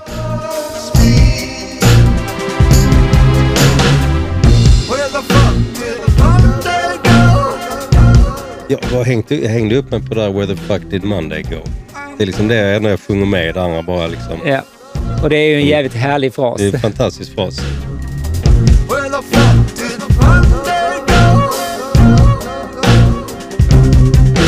Den har man alla kunnat identifiera sig med. Ja, Och jag brukar säga känna Where the fuck did Friday go? Ja, ja precis. Nej, men ni vet väl. eh, eh, han dog ju en söndag. Ja, ja, så måndagen försvann. Självhjälp. Vad heter det? Själv- Dödshjälp. Körde dödshjälp på söndagen. Och sen så, vad fan till måndag Ja, med? nu har du varit djupt inne i någon podd alltså. Jävlar. Ja, jag Men bara säger det. Men var det dödshjälp? Han, han bad om... Det vet vi inte. Det vet vi Nej. inte. Nej, jag tror den, eh, den nu- handlar om... eh, Imam tar kudden över honom. ja, efter att Ja. höra den här låten.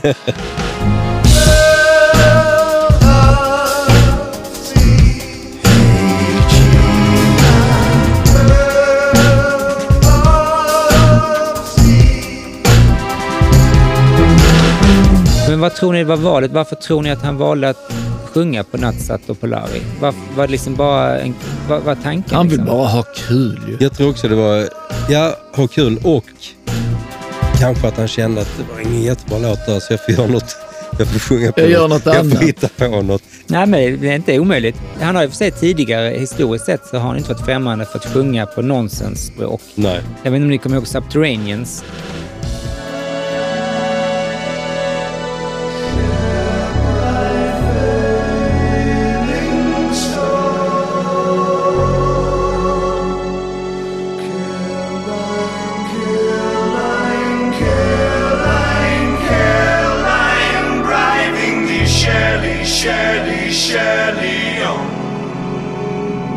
Även om man går tillbaka till Ziggy Stardust så sjunger han ju på Suffragette City Say Droogie don't crash here. Ja. Och Droogie är ju rakt av från Det är Clockwork Orange. Clockwork Orange. Ja, det är de ja. Men jag vet inte heller varför han valde liksom att sjunga en hel låt. Men jag, jag, tycker, jag bryr mig inte så mycket. Jag tycker bara det låter coolt.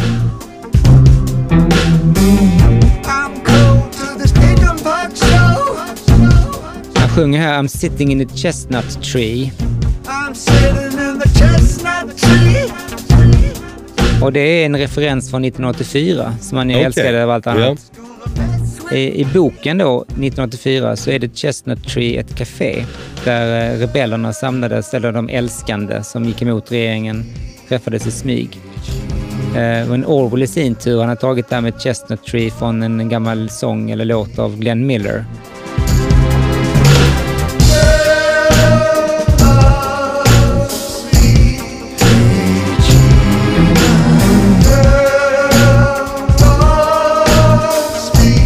Mark Guliana som då spelar trummor, han berättade att eh, Bowie kom in med en väldigt detaljerad demo på den här med två loopar som låg ovanpå varandra. Och det var liksom helt omöjligt för en person att spela så han gjorde någon slags idé om hur han skulle kunna göra ett komp som sådär. Men jag tycker kompet är väl inte så jävla komplicerat här direkt. Nej.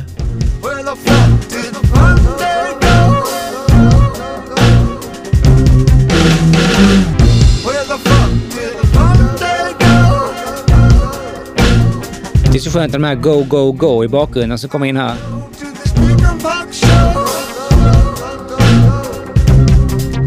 Det är sådana små, små grejer.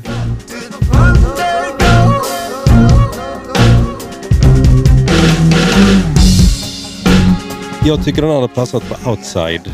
Ehm, men för mig är det min, absolut min, alltså, den låten som betyder minst för mig på Mm. Ja, samma här.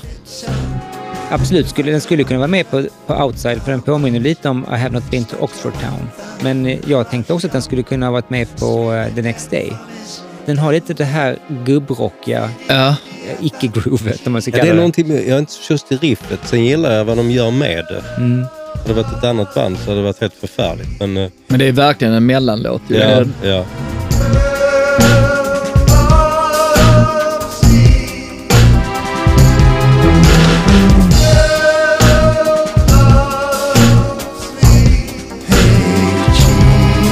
Gillar den här låten jättemycket ändå. Alltså det är mer som en, en sån här, kanske någon galen kompis som man träffar var tredje år. blir man jätteglad. Ja, Men eh, sen ses man på tre år till.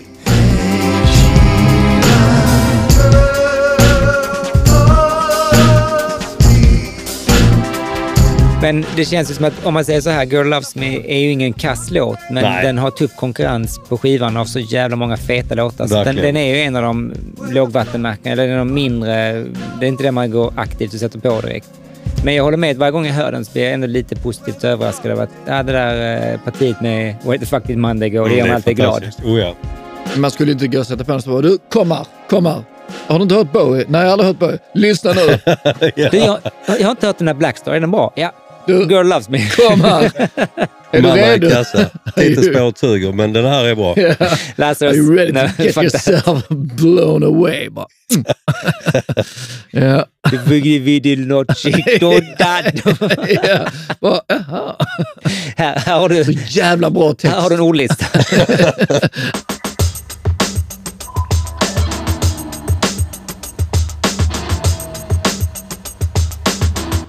All right, men då tycker jag att vi lämnar den här bakom oss och går raskt vidare till låt nummer sex som heter Dollar Days.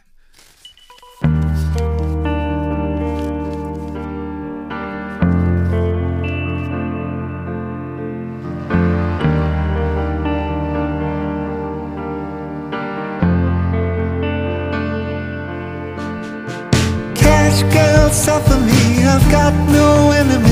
I'm walking down. It's nothing to me. It's nothing to see. Som jag sa innan, det finns en låt på skivan som jag inte är så förtjust i. Detta är den. Mm. Jag, men visst, nu när jag hörde Girl Loves Me så kanske den hamnar lite under ändå. För den är, den är så jävla eh, lång också. Jag gillar att gitarren känns lite ostämd. Mm. Elgitarren. Ja, det har jag tänkt på. jag tänkte Det är rätt mycket korus på den. Ja, det kanske det är det. Men det, ja, kanske är det. Men, eh, Det låter som jag när jag spelar gitarr Ja. utan korus. ja, ja, men, ja. For them all again and again. I'm trying to.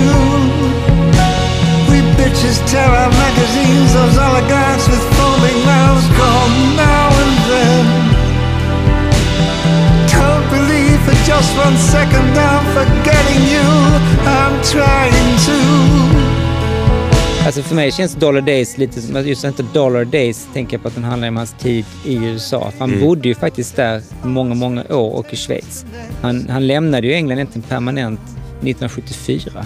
Så att han hade egentligen eh, liksom en slags uppgörelse med sitt hemland här på något vis, om man vill tolka texten så. Det låter som han är på väg någonstans. Att han, han låter liksom, jag är, jag är ganska nöjd Jag är färdig liksom. Ja, det känner jag absolut, att den känns vemodig på många sätt. Att han sjunger de här raderna liksom med, med att eh, If I'll never see the English evergreens I'm running to, it's nothing to me. Precis. It's nothing to see. If I never see the English evergreens I'm running to, it's nothing to me. Det är en relativt mesig låt Ja, det är det. jämfört med de andra. Det behöver, det behöver inte betyda att den är kass, men att den är mycket mer en traditionell, eh, lite soft låt. Liksom. Jag är inte så förtjust i den här sångstilen som man har på den här. Jag älskar den. Men du gillar inte Where Are We Now heller?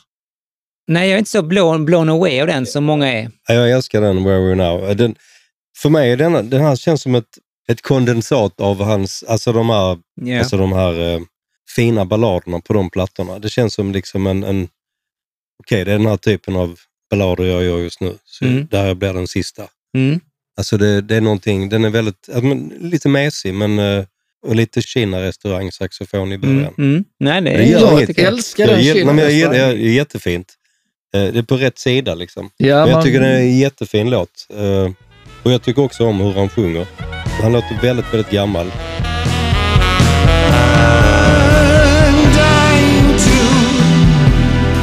Och detta här är så jävla fint. Det- partiet Ja, ja, fanta- och basen här. Oj, oj, oj. Väldigt fint.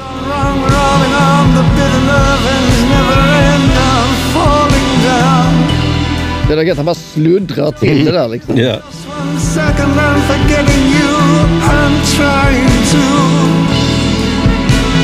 I'm. To.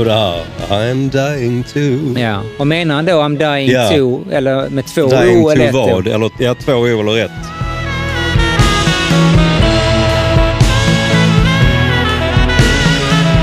Det har varit lite ett genomgående liksom, drag jag märkt i de plattorna vi har gått igenom hittills. Att jag är som mest svag för Bowie när han är lite knasig. Mm, Och här är han rätt så, han är lite... Det här är är lite inte så knasig. ja. Nej, det här är lite för straight. Mm, Men jag kan ändå mm. uppskatta det på många sätt. Men jag kommer alltid hålla liksom eh, Sue eller någon av grejerna på eh, Du gillar inte Heroes när han är poppig helt enkelt. Nej, det kan vara så enkelt faktiskt. Mm.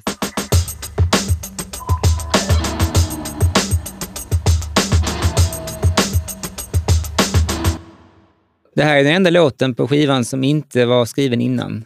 Okej. Utan den kom till i Mm. studion. Eh, De var i princip färdiga med allt de hade föresatt sig. Och Ja. så, låg det, så satt en akustisk gitarr i någon hörna och så tog han fram den här och började spela. Jag har ett citat där från basisten då, Tim Lefebvre, eller hur man uttalar det. Dollar Days, for instance, was not demoed out. He taught us that right in the studio. So we had to put our pop hats on and try to figure out that song. Uh, to me, it's pretty stunning how it came out on all parts. Det tog alltså två timmar från att han visade den på gitarr till de hade arrange- arrangerat upp den Okej. och mer eller mindre gjort grunden. Sen så blev det overdubs och mycket produktion, men liksom själva liksom grundstommen kom på en eftermiddag.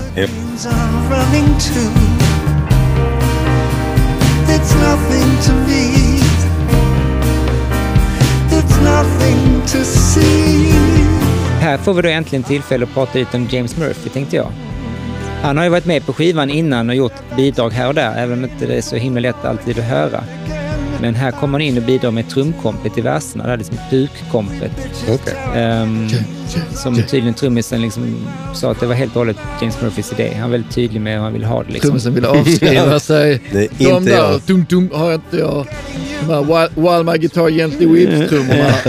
Det där som inte svänger, det är Ja, inte jag. Det är inte jag. Days to five or stretching tails to necks. I'm falling down. It's nothing to me. Men hela James Murphys roll i den här plattan är ganska intressant för att han, han är som en... Han, han hade egentligen möjligheten att vara med som en medproducent. Tydligen var det så att Bowie en dag bara annonserade för de andra killarna i orkestern att uh, “We would have a new body in the studio as of Tuesday. He's a lovely bloke and he will get in the way and make lots of suggestions and we will have a ball.” Så att de andra var ju inte alls insatta i vem den här snubben var. Och jag tror att de tyckte det var ganska okej. Okay. Han, var, han höll en ganska låg profil. Han var alltså tilltänkt som medproducent men valde att backa ur. James Murphy själv efteråt har sagt att eh, it takes a different kind of person than me to walk into that room and be like I belong here. I should definitely insert myself in this relationship because they just can't manage to make a record without me. Så han valde liksom att ta en lite mer backseat driver-roll och sa att han hade egentligen en vision om att han skulle se sig själv lite mer som Brian Eno. Att han skulle liksom sväva runt och göra det små härliga inhopp. Och det lyckas han med ganska mycket. bra. Jag tror det, det vittnar om en sån jävla liksom, skön självinsikt och, Verkligen. och, och känsla för liksom, sammanhang. Liksom. Väldigt sympatiskt. Mm. Annars har jag lite svårt att liksom tracka exakt vad han har gjort. Jag bara tänker att så fort jag har någonting som blippar och bloppar i bakgrunden så är det han. Mm. Liksom. Man hör det lite på, där, där är lite osmakliga syntar som Mm. är lite typiskt James Murphy. Jag kommer inte ihåg riktigt vilken låt, men jag, jag hörde också att han är med på mycket mer än, äh, än vad, vad som har sagts. Sue har jag hört att han är med på, denna Mm. här. Mm. Det är vad jag hörde i alla fall. Som jag förstår det så kom James Murphy in i bilden genom att Bowie hade träffat på honom när Bowie gästade på Arcade Fires platta Reflector som James Murphy producerade. Och eh, då blev de liksom lite buddy buddies. Och eh, sen har jag förstått det som att han gjorde även lite remixar och sånt åt Bowie. På, eh, Next, Next Day. Day. bland annat. På Love is lost gjorde han... eh, Okej, det har jag inte hört om alls. Det måste jag kolla in. Den är cool den mixen faktiskt. Jag tror att ha med någon snubbe i studion som kanske inte är liksom hands-on på varenda instrument och gör viktiga pålägg och sånt där. Det kan ändå vara en Mm. viktig influens. Absolut. Alltså energi, eh, vibbar, förslag, bara liksom facilitera goda grejer. Mm. Jag tror att han kan vara en sån snubbe. Ja, det står här att eh, han bara tog med sig lite syntar, lite percussion och hade tusentals idéer, säger Tony Visconti. I'm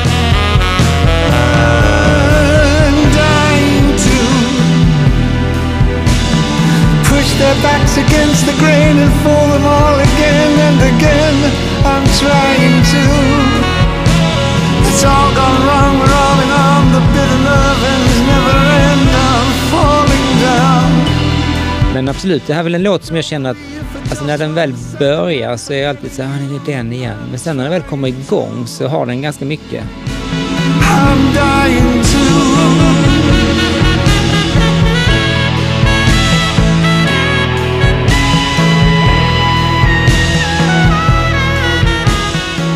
Väldigt, väldigt fin låt tycker jag. Eh, verkligen en låtlåt liksom. Ja, det har man, det har man Det saknat behövs. hela, Ja, på hela albumet. Liksom. faktiskt. Jag gillar eh, också eh, instrumentalisterna här. Mm.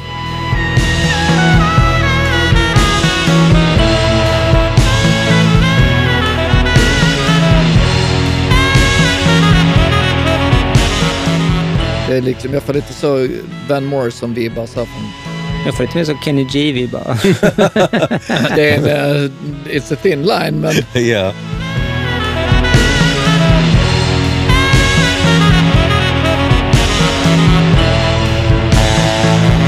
To.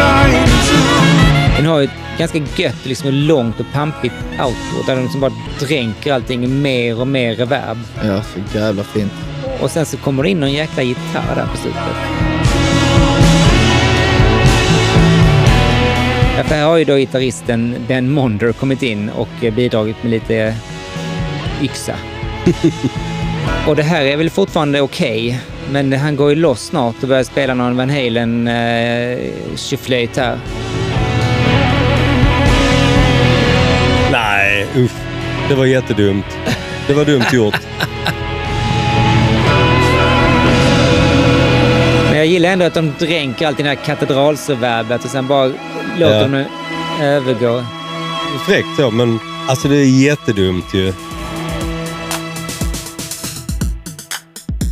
Den här låten övergår ju till sista låten. Mm. Så att Det den är det jag gillar, de faktiskt- sitter ihop. Det är fint. Ja, de sitter ihop fint. Ja.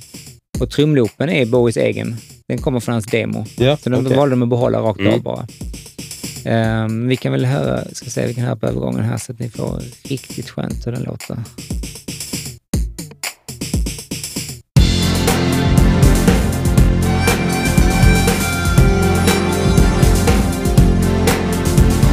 Åh, tänk om de bara hade kunnat steka det munspelet. Du gillar inte munspelet? Jag gillar det mest för att jag tänker att det påminner om A New Career in a New Town.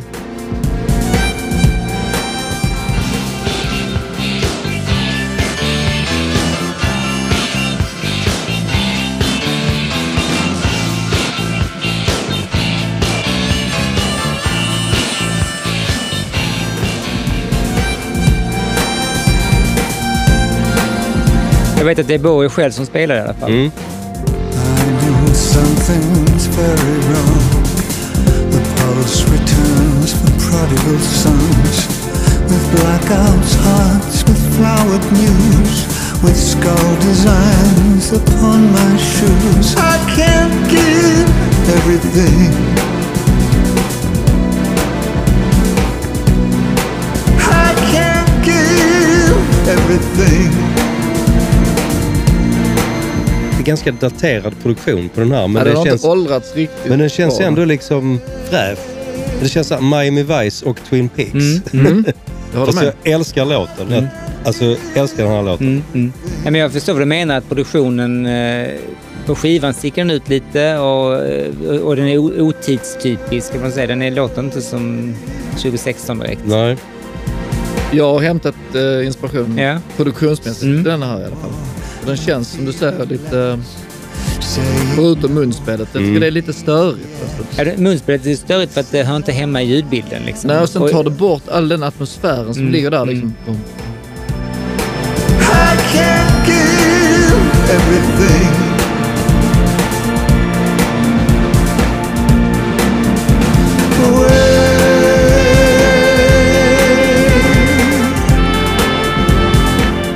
Han den andra tudaren in sen. Ja.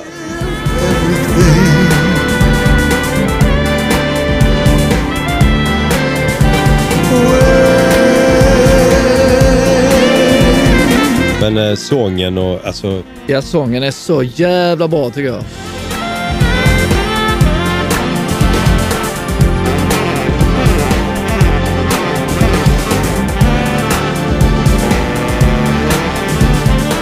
Men jag tycker om de här två avslutningslåtarna så pass mycket så jag förlåter nog väldigt mycket med um, saxofonen. Jag tycker den är mysig.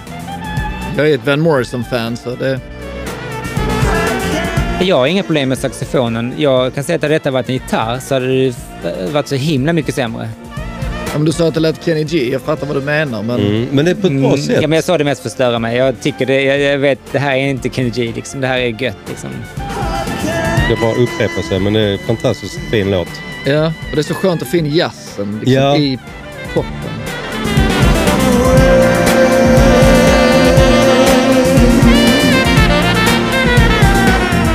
Och det känns som, nu är inte det, det är inte den sista låten han spelar in, men i, i världens, genom världens ögon så är det sista låten på hans sista platta. Ja.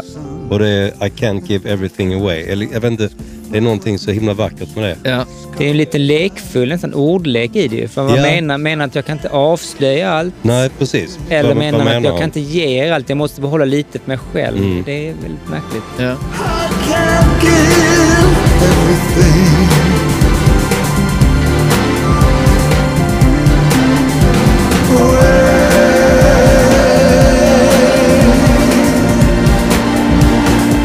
Det kommer ett lite otäckt gitarrsolo här också.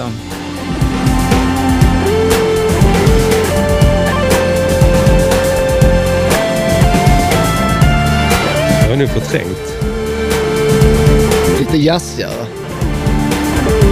Ja, det är lite helt okej det här gitarrsolot, men det... Nej, det är rätt kast faktiskt. Ja, det var inte så äckligt ändå. Det, det, Nej, det funkar, men...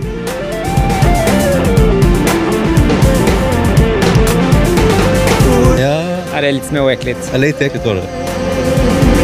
Fast jag förlåter det fan lite här känner jag. Men det är okej.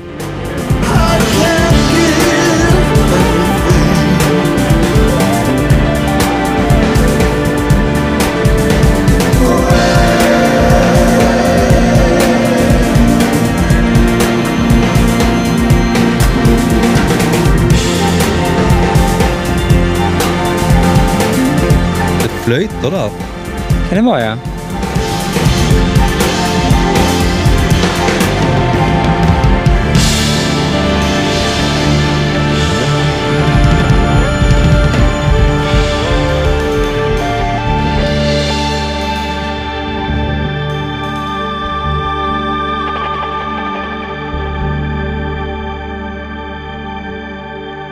Den padden där, det var det sista vi fick ja. Ja.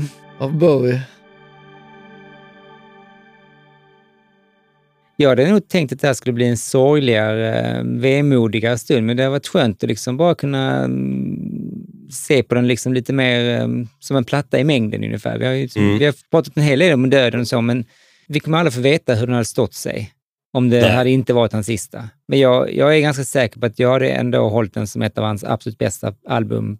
Ja, men ärligt talat, om, Ja, om jag ska lyssna på en Bowie-platta så är det den här jag lyssnar på. Men det måste ju också vara lite för att den har du hört minst gånger, tänker jag. Ja, fast jag, jag, jag har inte lyssnat sönder mig på hans 70-tal och så. Det gjorde jag liksom genom mina brorsor. Alltså de, Mm, okej. så att jag, det, Men det kan ju vara att den här skivan har ju, ska, nu kanske detta låter konstigt, men den är ju mest, vi kan relatera till denna mest. Lyssnar man på Ziggy Stardust eller sånt, det finns ju ingenting där att hämta nej, för oss. nej, nej, liksom. visst. Eh, alltså Five Years så är ju fantastiskt och så mycket av det är ju liksom Space Age pop rock. Det är ju liksom inte någonting... Sen är det ju också som typ en, eh, en, en släkting eller en storbror som har blivit gammal så att detta blir roligare att lyssna på för att det är någon vi känner. Mm, Någon vi känner har släppt ett album. mm, Mm. mm. Så att man är förlåtande liksom. På många sätt så kan man ju säga att den här skivan var ju liksom katalysatorn till att den här podden överhuvudtaget kom till. För att jag hade ju egentligen under många, många år inte aktivt lyssnat på Bowie alls. Alltså lyssnat på det, de plattorna jag gillade, de kom väl upp då och då, men han hade ju släppt liksom hur mycket som helst som jag inte hade ens, inte ens gett en chans. Så att jag hade liksom räknat ut honom och hemskt att säga, men när artister dör, vilket de gör, antingen blir de skjutna eller så skjut, äh, blir de sjuka eller vad det nu är, jag blir inte så ledsen om inte det är någon artist som har redan har dött för mig. Förstår du? Alltså, vissa, det är liksom hemskt att säga, men jag kan inte sakna någonting som jag ändå inte haft i mitt liv. Hade Bowie dött efter Next Day eller Hours eller något sånt, så hade jag nog inte brytt mig så mycket. Det var en notis och så hade man tänkt på det i några dagar. Och när den här då kom och jag kände liksom att han, han är liksom, han är his back. Och så bara försvann han igen. Liksom så. Jag kan liksom inte, det, det var då jag började fundera egentligen på var- varför bryr jag mig så mycket om Det, Bowie? bör, det började både du och jag göra ju. Verkligen. Vi, Vi började vi, verkligen snacka om det och vilken var din där från den, vilken är din Mm. favorit från den skivan? Så bara, sen så när vi skrev till varandra så bara, fan vad, fan. Mm. det var verkligen, ja, så verkligen. Man blev så snuvad på någonting för man kände... Jag kan säga att jag, jag var ju fem år när John Lennon dog, men jag, kan, jag hade nog känt likadant. Jag, alltså, fan vad mycket kvar han hade att ge. Det är så jävla orättvist. Det var då jag verkligen började titta med skivsamling och tänkte att okej, jag har ganska få plattor. Han har gjort så här mycket och jag har liksom så jäkla stark relation till de här plattorna, men de andra har jag noll koll på. Och då Ja. ville jag liksom bara, nej, jag måste kolla in dem, jag måste se vad det är jag har missat.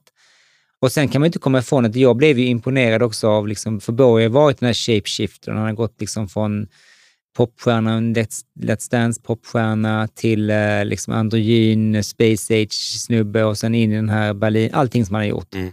Och sen detta gjorde han liksom, alltså ingen har gjort en snyggare sorti. Att, göra, att göra sin Nej, död till ett, till ett fucking installationskonstverk. ja. Om det nu, men, men Om det då nu måste var vi ställa Om oss det nu frågan, var det. om det nu var Mm. det. ja. Det är det jag inte riktigt... Släpper skivan på fredagen, bokar dödshjälp på söndagen. ja.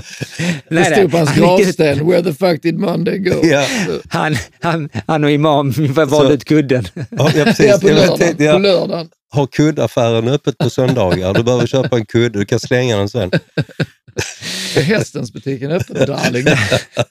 Så här skulle det inte bli. Vi skulle gråta tror jag mot slutet. Jag Vi sitter bara och hånar. Nej, men det, Nej, men det jag, jag har gråtit jättemycket för hans Jag skull. Jag med. var grät som fan när han dog. Alltså, det var helt Ja. hysteriskt. Vi människor är ju inte programmerade egentligen att veta att när vi ska dö. Nej, nej det är meningen lite, tror jag, i vår genetiska DNA. Så att när någon liksom vet att tiden nästan är på väg att rinna ut, så vad gör det med någon? Mm.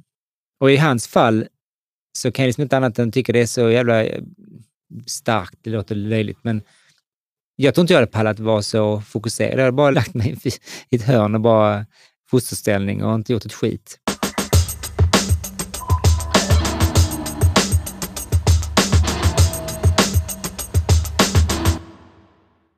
Men tror ni att han hade fortsatt med eh, den här kvartetten då och jobbat vidare en platta till Jag i alla tror fall? att han har känt att jag måste utforska det här. Alltså. Mm.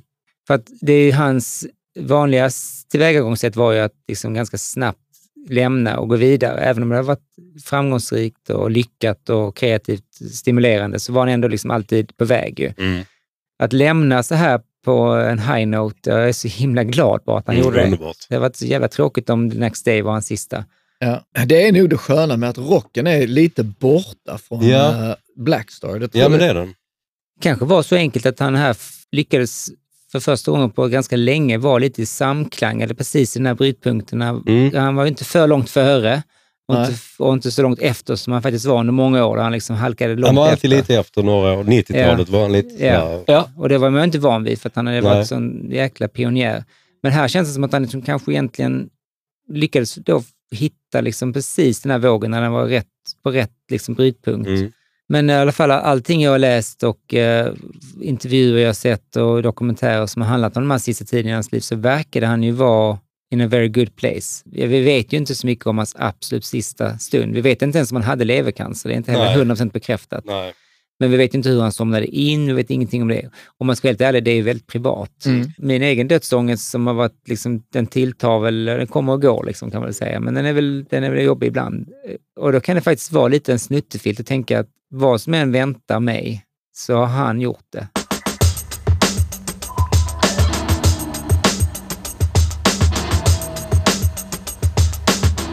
Det konstiga är att jag pratat med ganska många Bowie-fans nu såklart, både i podden och övrigt. Och många, när jag nämner den här plattan, har sagt nej den har jag lite svårt att lyssna på för den är, den är så jobbig, jag minns bara det jobbiga, det sorgliga. Och jag kan förstå det på ett sätt, men samtidigt inte, för att den är så jävla bra. Jag kan liksom inte förstå hur man kan lå- låta bli. Och... Så mycket detaljer, så mycket allt ju. Jag, jag menar, varje gång jag lyssnar på den så får inte jag eh, klump i halsen. Nej, Alltså, jag kan känna nu, jag kan känna att det här samtalet var, eh, var bra för mig. För jag Mm. kan, nu känner jag kan fick tillbaka den lite. Alltså, Mm. För det har varit jättejobbigt att lyssna på den. Mm, Okej, det har känts Alltså, så. absolut, Mm. skitjobbigt. För jag, kan, jag kan hamna i det modet, men jag kan också gå på H&M och lyssna på den när jag liksom tänker på annat. Alltså Mm. bara som musik, Ja. som en bra platta. Ja, jag kunde, alltså, nu när jag började lyssna inför den här podden. Så Mm. då, då fick jag tillbaka den Mm. kände jag. Mm. Nu är jag mitt uppe i det här, så Bowie är en stor del av detta, men även innan så, så, så, så är han liksom en, eh, en ledstjärna, en black star, någon form Mm. av liksom, eh, eh, någonting jag tänker på att eh, vad skulle Bowie ha gjort eller vad skulle han ha sagt? Eller skulle han, inte kanske så mycket i musik, men i hans sätt att vara. Jävligt roligt att säger det. Så tänker jag också ibland. beslut om integritet eller saker som man, nej men konstnärliga beslut, kreativa beslut, då kan jag faktiskt Mm. exakt tänka så. Alltså, fan klart jag ska ha med den där, det, det låter för jävligt. Fan, Bowie Ja. hade bara sagt så. Mm. Det är det bästa med hela låten, så kan jag... Och han var ensam under hela sin karriär. Han var inte ensam, han hade många musiker med sig, men han var, det var ju hans vision, det var han som var motorn och liksom drivkraften och allting. Och det är för mig bara liksom så jävla imponerande att han lyckades uppfinna hjulet så pass många gånger. Och visst, han träffade fel massor med gånger, men även om jag inte hade gillat hans musik alls, så hade jag gillat Bowie. Oh, ja. Han verkar vara så jävla skön att hänga med. Underbar. Men jag nästan, med liksom, hur han hade sett på saker eller såg på saker, att det nästan sipprar in i mitt privatliv. Mm. Alltså det är nästan så här att inte bara är kreativa, Nej. utan Ja. hur hade han tänkt? Kan jag dricka tre bärs till innan jag hämtar, innan jag hämtar innan jag, Kan jag köra på fyra bärs innan jag hämtar på dagis? Ja. Kan Bo- leva på kokain och mjölk? Ja, ja vad fan det är lugnt. Jag tänker mer på 2000-tals Bowie. Ja, ja, ja, stort tack eh, killar i alla fall för att ni eh, ville ta, ta er an eh, den här utmaningen att ge sig på Blackstar. För att eh, jag trodde att den skulle bli svår att få med någon på. Men eh, just för att många tycker att den är lite jobbig och, och liksom svårt att återvända till den. Men eh, jag kan inte tänka mig några bättre dudes att göra det med. Så att stort tack. Tack själv, det var skitkul. Tack. Och eh, stort tack till eh, Gula studion som än en gång har låtit oss sitta i deras lokaler och spela in. Eh, jag rekommenderar varmt att kontakta Gula studion i Malmö om ni ska spela in eller mixa någonting. Och det här var alltså sista avsnittet av Bowie-podden. Jag utesluter inte att det kan komma något bonusavsnitt, så behåll gärna prenumerationen så ni inte missar något. Vill ni visa uppskattning för Bowie-podden kan man göra en engångsdonation via Swish. Om ni lyssnar på en telefon så klickar ni på länken i avsnittsbeskrivningen så öppnas er eh, Swish-app som jag tänker att de flesta av er har installerad. Jag blir glad för varje litet bidrag som ni känner är rimligt. Tack för mig och tack till er. Vi hörs.